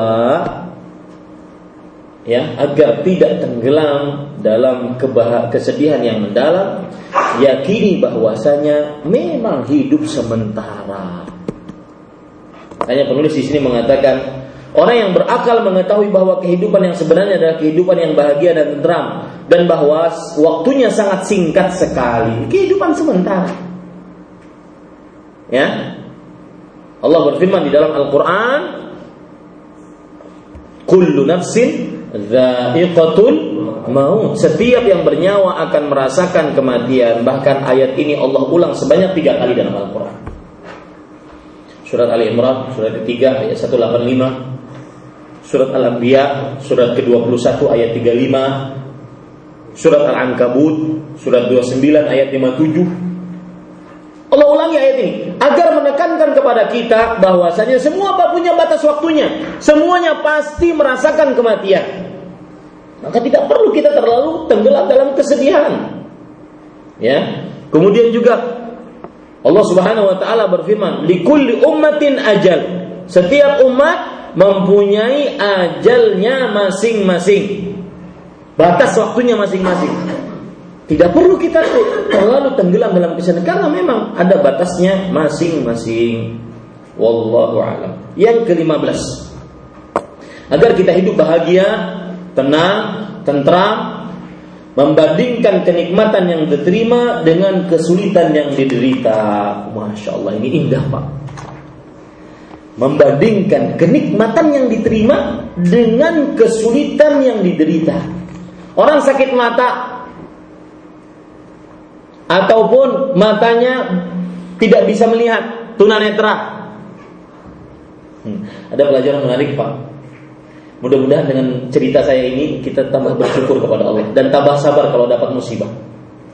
Suatu ketika saya di Jakarta ada perkumpulan tunanetra.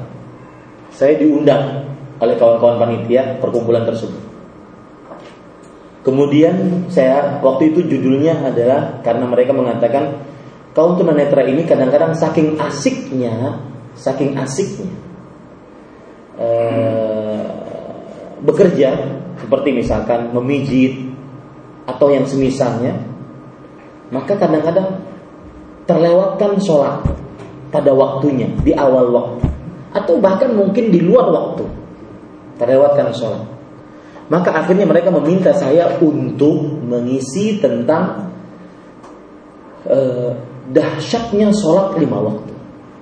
Waktu itu saya katakan salah satu dahsyatnya sholat lima waktu adalah di hari kiamat tatkala kita jalan disuruh jalan di atas sirat sholat yang menyelamatkan kita saya sebutkan sirat itu sifatnya sangat sulit yang pertama dalam hadis riwayat muslim dahlun mazillah licin kemudian menggenang ataupun becek menggelincirkan licin menggelincirkan yang kedua, ya, yang ketiga dan keempat, ahaddu minas sayf adaqqu minasy Lebih tipis dari rambut, lebih tajam dari pedang. Yang kelima, saya sebutkan sifat-sifat syarat yang semua dari kita akan jalan. yaitu wa fi hafataihi kalali. Samping-sampingnya ada besi-besi bengkok yang diperintahkan untuk mengais orang-orang yang diperintahkan untuk dikais. Sifat yang keenam, perhatikan. Mereka ketika mendengar, mendengar sifat ini, mereka mengatakan, uh, saya katakan, sifat yang keenam gelap. Kata para uh, kawan-kawan dari tunanetra, ah itu mah sudah setiap hari Ustaz gelap. Subhanallah. Mereka mengatakan itu dengan tertawa, kemudian ini sabar. Ya, sabar. Ini Bapak Ibu saudara-saudari yang dimuliakan oleh Allah. Lihat Bapak Ibu membandingkan kenikmatan yang diterima dari Allah dengan kesulitan yang diderita. Itu membuat kita bahagia, tentram, tenang. Berapa banyak sih kerugian atau keburukan yang kita dapatkan dibandingkan nikmat Allah yang Allah berikan kepada kita? Sangat luar biasa. Tidak bisa dibandingkan. Makanya Allah berfirman dalam Al-Quran, Wa in ta'uddu ni'matallah apa? La tuhsuha. Jika kalian menghitung-hitung nikmat Allah, kalian tidak akan pernah bisa menghitungnya. Adapun derita yang didapati oleh seseorang, berapa banyak? Bisa dihitung. Ya, bisa dihitung. Bahkan subhanallah Pak, ucapan alhamdulillah ketika dapat nikmat itu adalah nikmat. Saya ulangi. Ucapan alhamdulillah tatkala mendapat nikmat itu adalah apa? Coba nggak ada ucapan alhamdulillah diajarkan oleh Allah dan Rasulnya Sallallahu Alaihi Wasallam. Bagaimana kita bisa bersyukur? Dapat misalkan jus alpukat. Terima kasih ya Allah jus alpukat hari ini jam sekian di ini di sini. Tetapi dengan cukup mengucapkan alhamdulillah itu semua terbayar. Coba pas lagi makan di dalam makanan tersebut satu piringnya ada berbagai macam nikmat. Ada nasi, ada sambal, ada di sambal ada uh, terasi, ada cabai, ada bawang, ada macam-macam. Susah kita untuk berterima kasih kepada Allah. Tetapi dengan ucapan alhamdulillah itu semua sudah terbayarkan. Bukankah itu nikmat Allah? Ini Bapak Ibu membandingkan kenikmatan yang diterima dengan kesulitan yang diderita. Sekarang tugas kita adalah menghitung nikmat. Agar derita yang kita dapatkan berkurang atau kita sanggup menghadapinya. Kita coba menghitung nikmat sekarang, Pak. Ya, dan ini nikmat ini salah satu syariat Allah, menghitung-hitung nikmat. Kira-kira nikmat yang kita rasakan yang paling utama di dunia ini apa? Paling utama apa? Islam. Kenapa paling utama? Hah? Islam pintu uh, kunci pintu ke surga. Hah?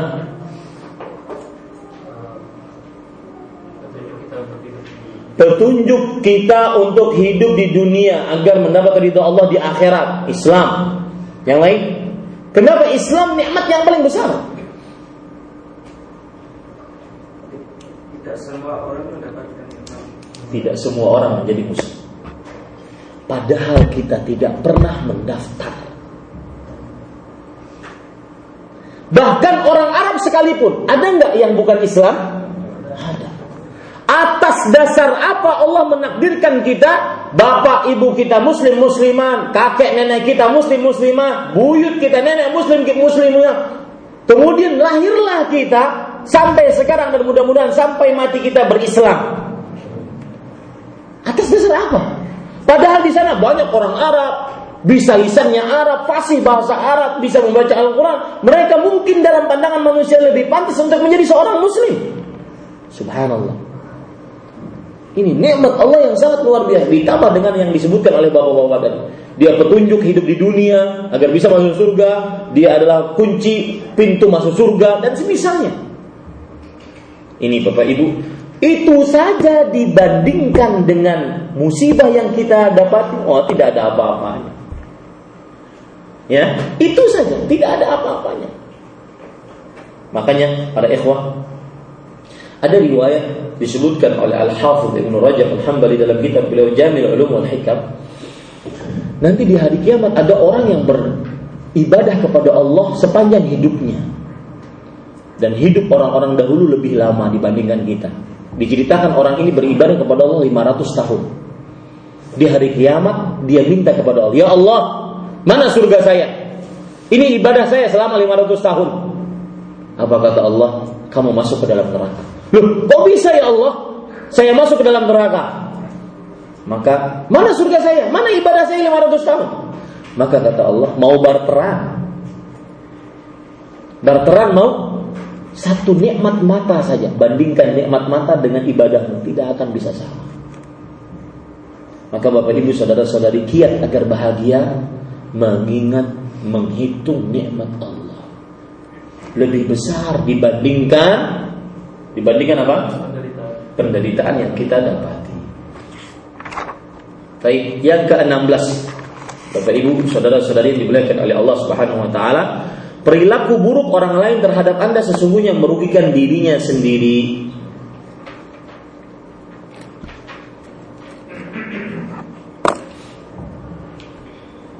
Apa maksudnya? Seseorang akan bahagia, tentram, tenang, nyaman hidupnya, hatinya tenang, meskipun ketika dia mendapatkan perilaku buruk dari orang lain. Meskipun dia mendapatkan perilaku buruk dari orang lain. Kenapa? Karena sebenarnya perilaku buruk tersebut kembali kepada orang yang berlaku buruk tersebut, bukan kepada kita. Contoh riba. Yang ngerasani orang, ya sudah biarin aja. Saya beri contoh Pak. Dan uh, ini hikmah subhanallah. Aisyah radhiyallahu anha. Siapa dari kelompok-kelompok Islam yang tidak suka Aisyah? Siapa?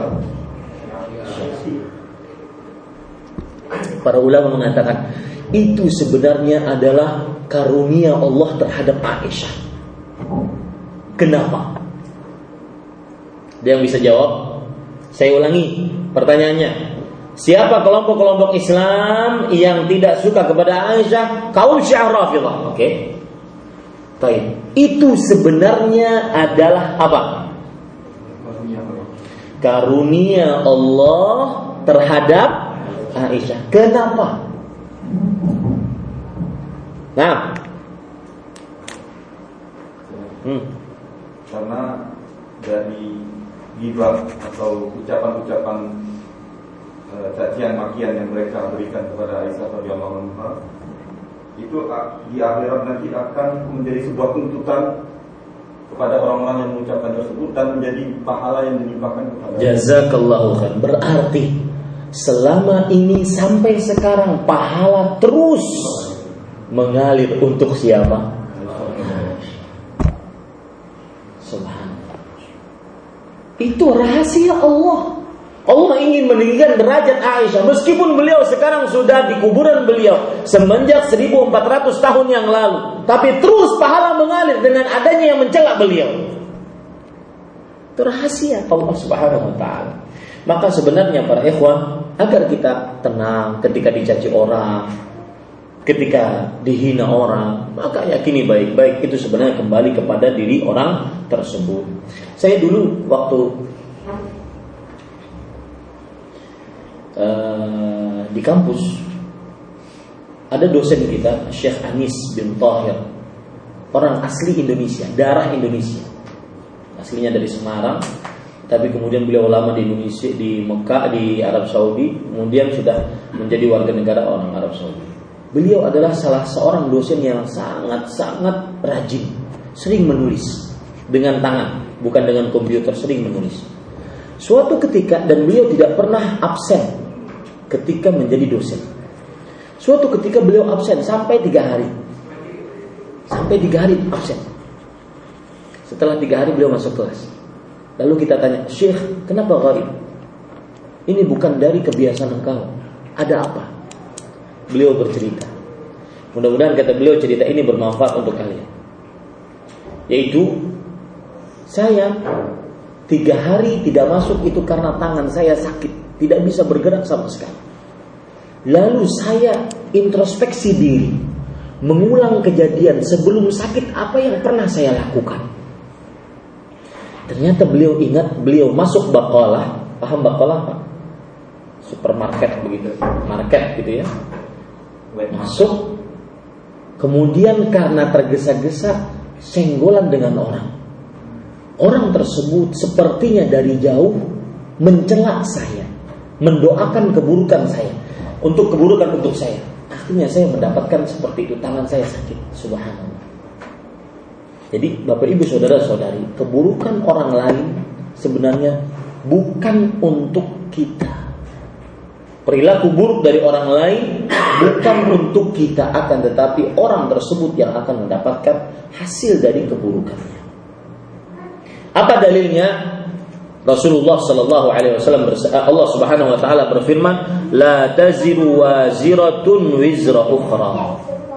Artinya dosa seseorang tidak akan ditanggung oleh orang lain yang melakukan kepada keburukan kepada orang lain, maka yang melakukannya akan mendapatkan e, balasannya. Sedangkan yang dilakukan terhadapnya keburukan, dia mendapatkan pahala, bahkan mungkin mendapatkan pertolongan dari Allah Subhanahu wa taala. Ayat yang saya sebutkan tadi, la taziru waziratun wizra ukhra. Allah ulangi sebanyak enam kali dalam Al-Qur'an. Allah ulangi subhanahu Allah subhanahu wa taala mengulangi sebanyak enam kali dalam Al-Quran. Surah Al-An'am surat ke-6 ayat 164. Surat Al-Isra surat ke-17 ayat 15. Surat Fatir surat 35 ayat 18. Surat Az-Zumar surat 39 ayat ke-7. Surat An-Najm Surat 53 ayat 38. Dan ada pepatah mengatakan, pepatah Arab, Kama tadinu tudan. Sebagaimana yang kamu perbuat terhadap orang lain, begitulah yang diperbuat terhadap dirimu. Baik. Yang ke-17 para ikhwah yaitu berpikir positif. Kalau dalam bahasa agama apa ini? Hus husnudzan. Apa dalil-dalil tentang husnudzan? Kita kupas ini husnudzan apa dalil-dalilnya? Berpikir positif yaitu berhusnudzan kepada Allah Subhanahu wa taala. Bapak Ibu saudara-saudari yang dimuliakan oleh Allah Subhanahu wa taala, Coba perhatikan beberapa dalil tentang husnudzan kepada Allah Subhanahu wa taala. Di antaranya Rasul Shallallahu Alaihi Wasallam bersabda di dalam hadis yang diriwayatkan oleh Imam Bukhari dan Muslim dari Abu Hurairah radhiyallahu anhu Allah berfirman Allah berfirman Qala Allah Ta'ala Ana inda dhanni abdi bi Aku sesuai dengan sangkaan hambaku terhadapku Ya, aku sesuai dengan sangkaan hambaku terhadapku.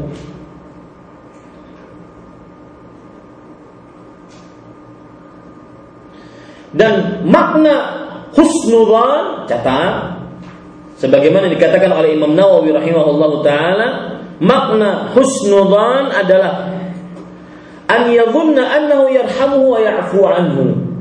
Seorang hamba menyangka Allah mengampuninya dan merahmatinya.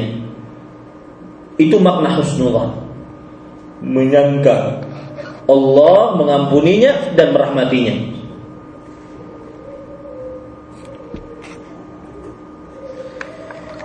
Kemudian apa saja potret-potret dari husnudzan? Yang pertama, berpikiran positif sebagaimana disebutkan dalam uh, nomor ke-17 ini. Selalu berpikiran yang baik. Sebagaimana hadis Rasul sallallahu alaihi wasallam wa yu'jibunil fa'lu kata Nabi Muhammad sallallahu alaihi wasallam. Dan aku sangat takjub dengan sikap al-fa'lu. Al-fa'lu itu adalah kata-kata yang baik yang positif yang senantiasa mendatangkan kebaikan wa yu'jibunil fa'lu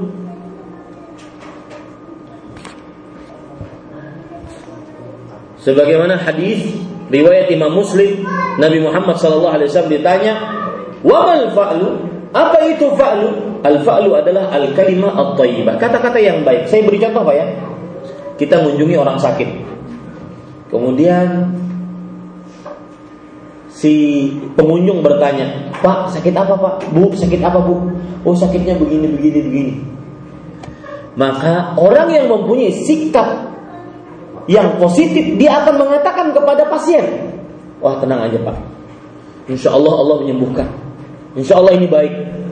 Yang tidak mempunyai sikap positif, apa yang terjadi? Waduh pak, ini kayaknya berat nih pak untuk sembuh. Temen saya pak sakit begini, dua hari langsung out pak. Pengalaman saya di Arab pak, ya, hampir 13-14 tahun saya di sana. Ba, kalau lagi nggak masuk kantor orang orang kantor nelfon, ah Ahmad, Ashbik, Ahmad, apa kamu? Sakit apa? Kenapa nggak masuk? Nah, saya bilang, Alhamdulillah ala kulli segala puji hanya milik Allah atas segala sesuatu, saya sedang sakit. Dia langsung mengatakan apa? Labas, mana tasyuf illa khair. Nggak apa-apa, kamu nggak akan lihat kecuali kebaikan. Wah itu kan langsung, ya, langsung minimal, ya ini nggak apa-apa nih. Beda dengan ketika orang mengatakan, Mat, ada orang sakit seperti ini, Teman saya dua hari langsung selesai man. Nah, ini tidak positif ya. Itu husnudzon kepada Allah. Kemudian potret orang yang husnudzon juga adalah usaha dan tidak pernah putus asa. Usaha dan tidak pernah putus asa. Ini potret orang yang husnudzon kepada Allah. Meskipun misalkan dia ingin bisa mengaji lancar Al-Quran. Sudah 10 guru ikra dia lewati, semuanya angkat tangan. Tetap dia usaha. Sampai-sampai guru ikra yang 10 mengatakan, Fulan, sudahlah. Gak mungkin kamu bisa. Nah, ini juga gurunya salah ini. ya. Gak mungkin kamu bisa. Ini salah ini seperti ini. Maka Bapak Ibu saudara-saudari potret orang yang berhusnudzan adalah orang yang senantiasa usaha dan apa tadi? Dan tidak pernah putus asa. Dan Bapak Ibu saudara-saudari yang dimuliakan oleh Allah itu tadi beberapa poin tentang husnudzan. Ada hadisnya sudah saya sebutkan. Kemudian juga uh, apa makna husnudzan? Makna husnudzan adalah kita menyangka Allah Subhanahu wa taala merahmati dan mengampuni. Yang ketiga yaitu makna hus uh, yang ketiga adalah potret-potret husnudzan, yaitu bersikap positif senantiasa tidak ada kata-kata yang buruk keluar dari dirinya. Yang ketiga yaitu yang kedua yaitu usaha dan tidak pernah putus asa. Yang ke-18, saya ingin sebelum asar selesai, jadi mungkin ada acara-acara yang agak ringan-ringan setelah asar, silahkan saja. Yang ke-18, tidak mengharap balasan dan penghormatan kecuali dari Allah. Pak, saya ingin nanya, nomor 18 ini larinya ke mana? Per, ke permasalahan apa Pak? Ikhlas. Ikhlas. Kebalikan ikhlas apa Pak? Semakin memuncak. Ri? Ria. Pak, orang ria tidak bahagia. Karena hidupnya penuh dengan kepura-puraan.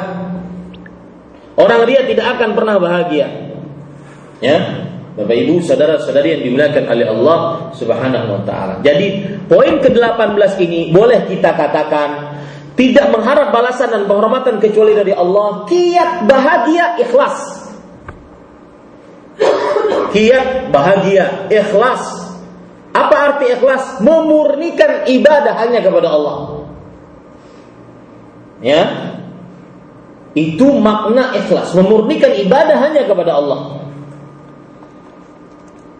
Sebagian para ulama mengartikan ikhlas dengan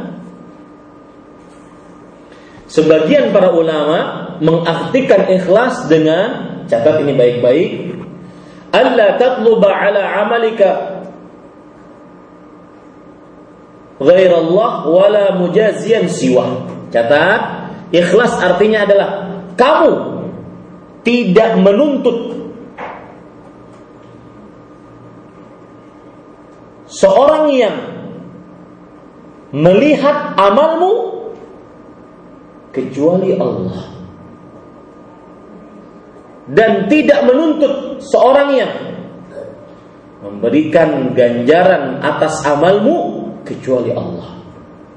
Saya ulangi, pengertian ikhlas disebutkan oleh Imam Nuqayyim rahimahullahu taala.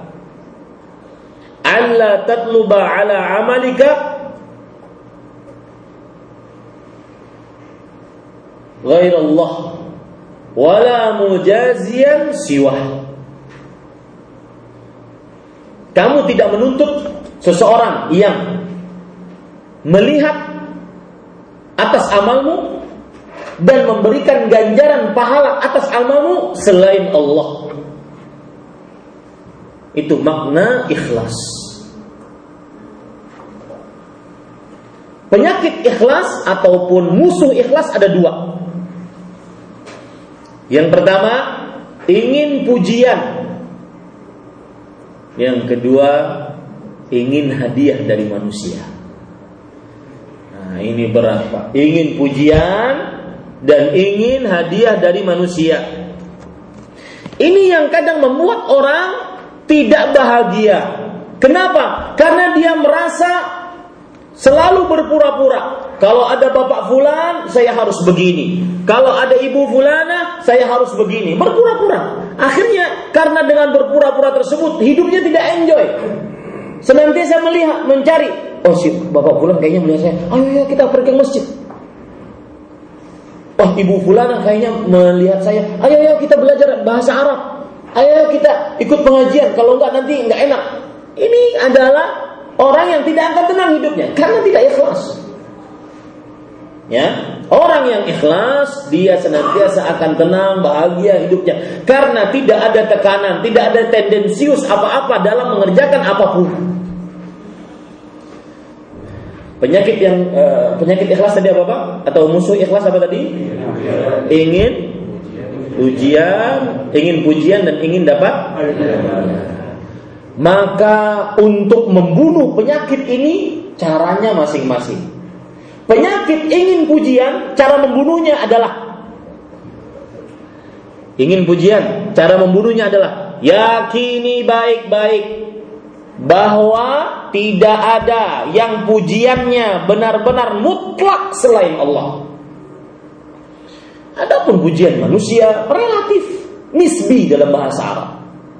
Si fulan memuji, si fulan tidak memuji. Sekarang kajian kita dari mulai tadi malam sampai sekarang, ada yang mengatakan, ah gitu-gitu aja ilmunya. Ah gitu-gitu aja ceramahnya.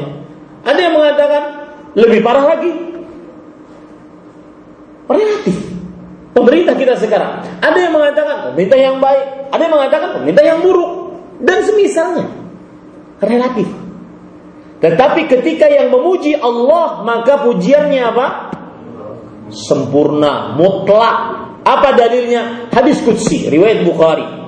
Rasul sallallahu alaihi wasallam bersabda, "Inna Allah idza habba fulanan qala li Jibril, inni uhibbu fulanan fa ahibba." Sesungguhnya Allah jika mencintai seorang manusia, seorang hamba, maka Allah akan mengatakan kepada Jibril, "Wahai Jibril, aku mencintai si fulan, cintai engkau fulan tersebut." Lihat, kalau Allah mencintai, maka seluruh makhluknya akan mencintainya. Faqala Jibril, fanada Jibril. Lalu Jibril berseru kepada penduduk langit, "Inna Allah yuhibbu fulanan fa'ahibbuh." Sesungguhnya Allah Subhanahu wa taala mencintai fulan, maka ikutilah, maka cintailah dia. Lihat. Allah mencintai, Jibril mencintai. Jibril mencintai, seluruh penduduk langit mencintai. Siapa penduduk langit maksudnya, Pak? Malaikat. Kalau sudah penduduk langit mencintainya, maka apa yang terjadi? Yang terjadi adalah Kemudian diletakkan orang-orang manusia pun mencintainya. Ini kecintaan mutlak namanya. Adapun dipuji manusia terbatas.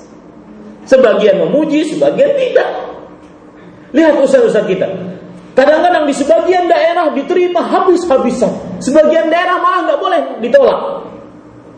Terbatas. Ini obat atau senjata melawan musuh tadi, musuh ikhlas yang pertama. Apa musuh ikhlas yang pertama? Ingin pujian.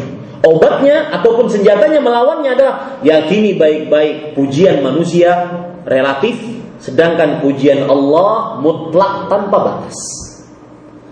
Musuh ikhlas yang kedua apa Pak?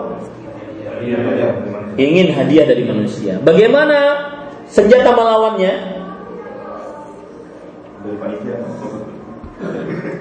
Hah? Bagaimana senjata melawannya? Ingin hadiah. Nah, senjata melawannya adalah bahwa yakini baik-baik. Apa yang ada di tangan manusia tidak akan pernah sampai kepada kita tanpa izin Allah. Itu senjatanya. Melawan musuh tadi. Apa yang ada di tangan manusia tidak akan sampai kecuali dengan izin Allah. Maka mintalah kepada Allah, ikhlaskan ibadah kepada Allah Subhanahu wa taala. Murnikan ibadah kepada Allah. Wal baqi 'ala Allah. Sisanya di Allah yang ngatur. Ikhlaskan. Sisanya Allah Subhanahu wa taala yang mengatur. Ini Bapak Ibu saudara-saudari yang dimuliakan oleh Allah Subhanahu wa taala. Dengan begini kita akan uh, bahagia, tenang, tentram. Coba Pak. Lihat Pak ya. PNS.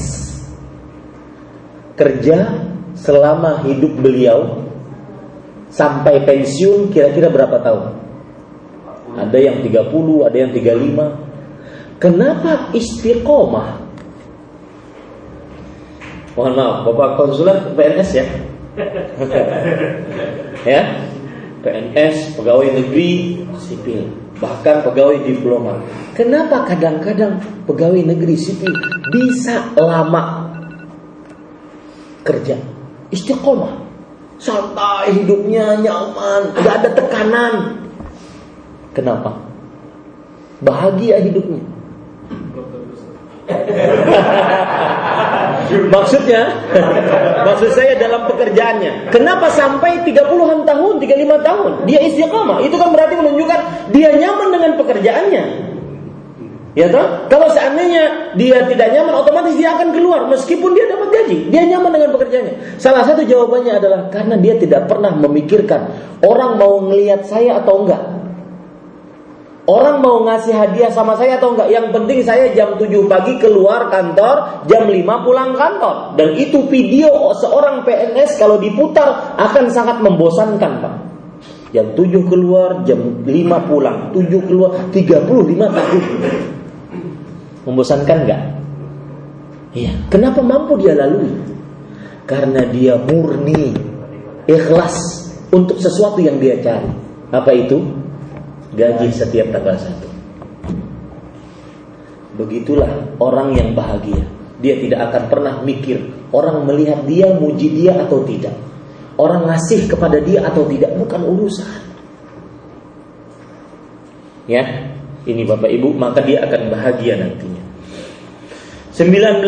Menjadikan semua hal bermanfaat di depan mata Anda dan berusaha untuk merealisasikan, merealisasikannya. Ini persis hampir sama dengan nomor berapa? Nah, silahkan kita lihat, coba. Enggak, nomor Coba diulang, nomor berapa? Nomor tiga Menyibukkan diri dengan amalan bermanfaat dan mengamalkan ilmu Ya, ini sama 19 ini. Menyibukkan diri dengan amalan bermanfaat dan mengamalkan ilmu agama. Itu nomor 19 sama dengan nomor 3. Nomor ke-20 mengatasi sebuah masalah saat itu juga untuk kemudian berkonsentrasi terhadap masa depan. Apa maksudnya? Jangan menunda-nunda pekerjaan. Itu maksudnya.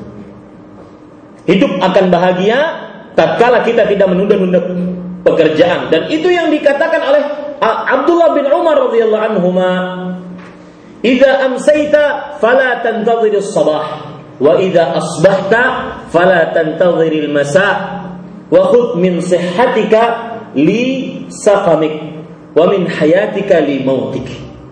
Hadis riwayat Muslim. Jika engkau masuk waktu pagi, jangan tunda amalmu sampai sore, tapi kerjakan itu juga. Jika masuk waktu sore jangan tunda untuk beramal sampai pagi, tapi kerjakan waktu sore. Itu maksudnya. Jadi yang nomor 20 mengatasi sebuah masalah saat itu juga untuk kemudian berkonsentrasi terhadap masa depan. Jangan nunda-nunda jangan nunda-nunda amal. Kita akan bahagia. Kita akan tentram, aman. Ada cerita menarik Umar bin Khattab radhiyallahu anhu ketika menjadi khalifah. Beliau senantiasa terlambat pulang karena ngurus rakyat, terlambat pulang. Kemudian ditanya, wahai Umar, ini kan biasa besok dikerjakan, kenapa harus sekarang? Maka beliau mengatakan, perhatikan perkataan beliau menarik. Saya artikan dalam bahasa Indonesia, pekerjaan besok waktunya besok. Dan jika kamu undur pekerjaan hari ini, maka akan menambah pekerjaan besok. Paham maksudnya? Artinya besok pun ada pekerjaan. Kalau diundur pekerjaan hari ini menjadi besok berarti untuk tambahan besok. Untuk tambahan pekerjaan besok yang sebenarnya besok pun ada harinya.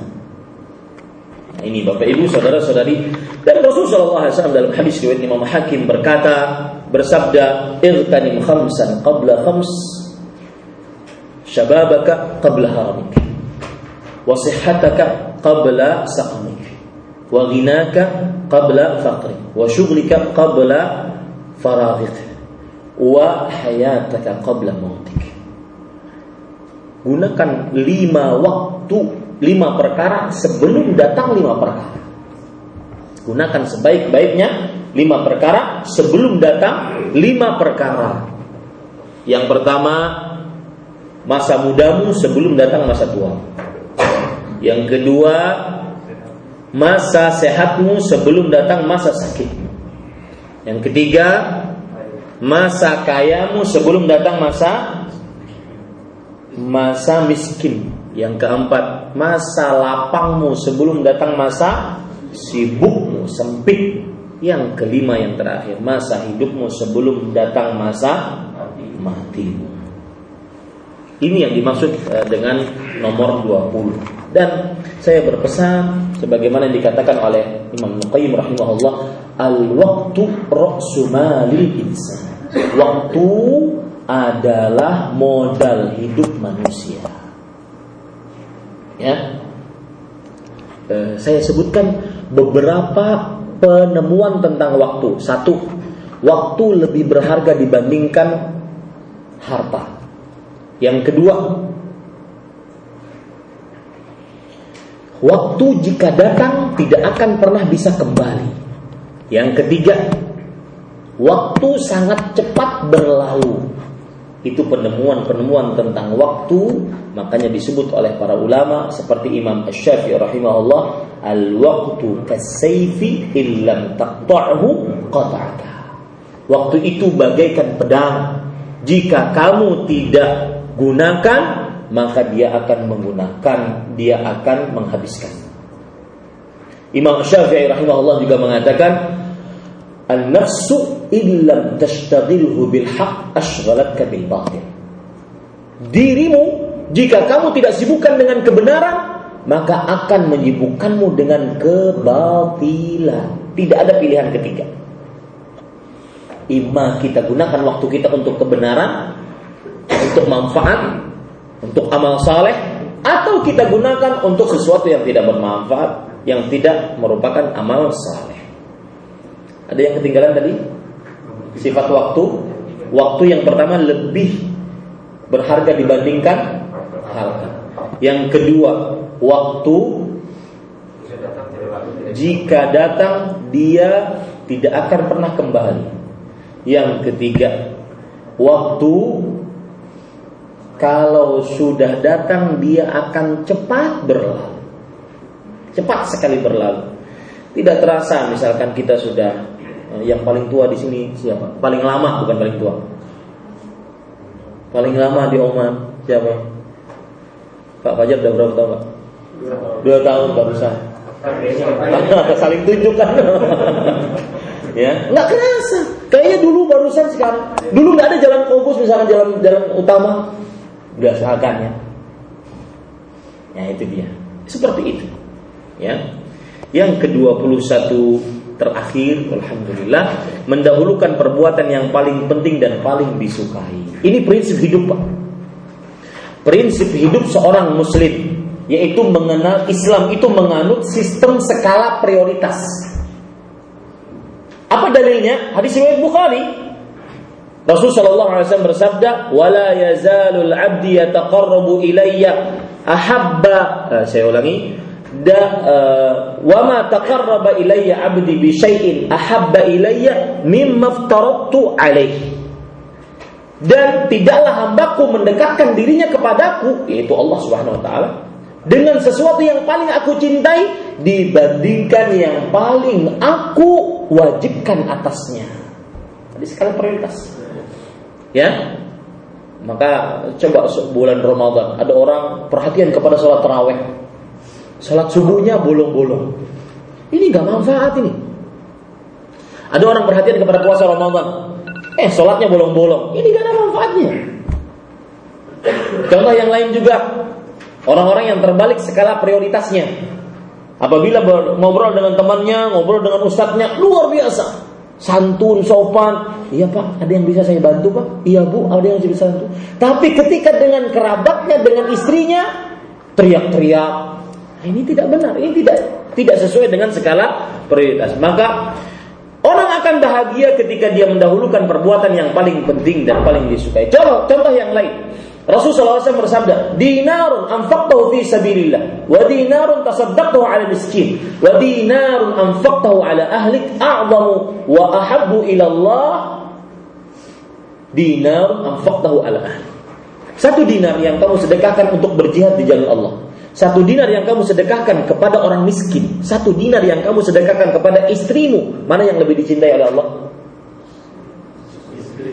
Ya, istri. Istri bu, Kata para suami istri. Ya.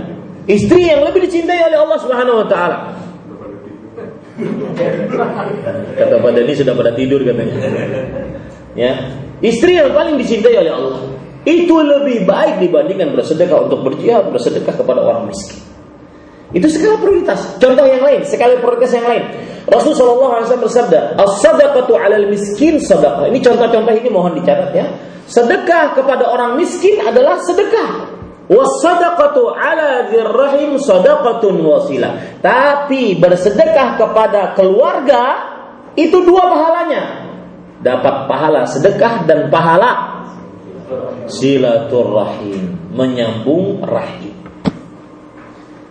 Makanya Islam sangat menganut skala prioritas. Dengan begini, ya, seseorang akan tenang hidupnya karena dia lebih mendahulukan yang paling penting dari yang penting.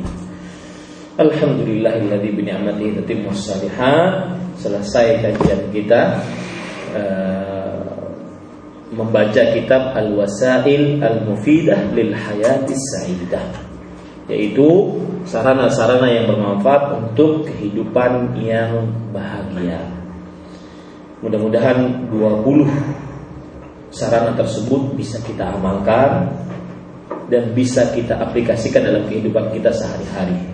Dan saya berpesan Pak, perhatikan, ini penemuan para ulama. Semakin tinggi keilmuan seseorang, kemudian dia tidak beramal, semakin besar siksanya di sisi Allah. Garis bawahi itu baik-baik. Semakin tinggi keilmuan seseorang, kemudian dia tidak beramal, semakin besar siksanya di sisi Allah. Aduh Ustaz, kenapa saya ikut kajian kalau begitu? Bagaimana jawabannya?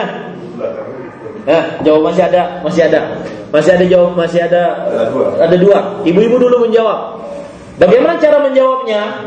Orang yang mengatakan, kenapa saya nuntut ilmu kalau begitu Ustaz? Ah bu, jawab bu. Ayo sempit waktunya bu. Nah, eh, dia akan terkena pasal lain Ustaz. Pasal lain. Undang-undang kalau begitu bu. Silahkan bu apa bu pasal lain ini? Eh, karena dia tidak mencari ilmu Ustaz. Padahal dia menuntut ilmu itu kan wajib. Jazakallahu khairan. Berarti dia kena pasal lain. Dia tidak berilmu, otomatis dia tidak bisa ber ibadah beramal. Padahal tujuan manusia adalah diciptakan untuk beribadah kepada Allah. Itu jawabannya. Ya. Jadi kenapa kalau begitu nggak usah nuntut ilmu dari tadi Ustaz. Capek-capek kita duduk dari pagi sampai sampai sore ini. Maka jawabannya Anda tidak bisa beramal tanpa ilmu. Dan al-ilmu wal amalu mutalaziman la yanfaqu ahaduhuma anil akhar. Ilmu dan amal senantiasa selalu berkaitan satu dengan lainnya. Tidak boleh lepas. Nggak boleh orang mengandalkan cuma amal tanpa ilmu. Ini seperti kaum siapa? Tidak boleh orang mengamalkan ilmu tanpa amal. Seperti kaum mana? Ya. Maka jangan sampai kita seperti mereka. Mudah-mudahan sekali lagi saya berdoa, mudah-mudahan ilmu yang kita uh, dapatkan dari tadi malam sampai sekarang ini adalah kita bisa ilmu yang bermanfaat dan kita bisa amalkan dalam kehidupan kita sehari-hari. Dan saya berpesan semua kekuatan, semua uh, pertolongan hanya dari Allah. Bisa kita menyelesaikan kitab ini. Jujur saya senang sekali selesai kitab ini. Ya, uh, semua kekuatan datang dari Allah Subhanahu Wa Taala yang ada pun yang berbicara di hadapan bapak-bapak dan ibu-ibu sekalian hanya sekedar menyampaikan apa yang uh, penting di dalam poin-poinnya. Mudah-mudahan itu sebagai amalan yang diterima oleh Allah Subhanahu wa taala. Kita cukupkan dengan kafaratul majlis. Subhanakallah wa bihamdik asyhadu an la ilaha illa anta. Wassalamualaikum warahmatullahi wabarakatuh.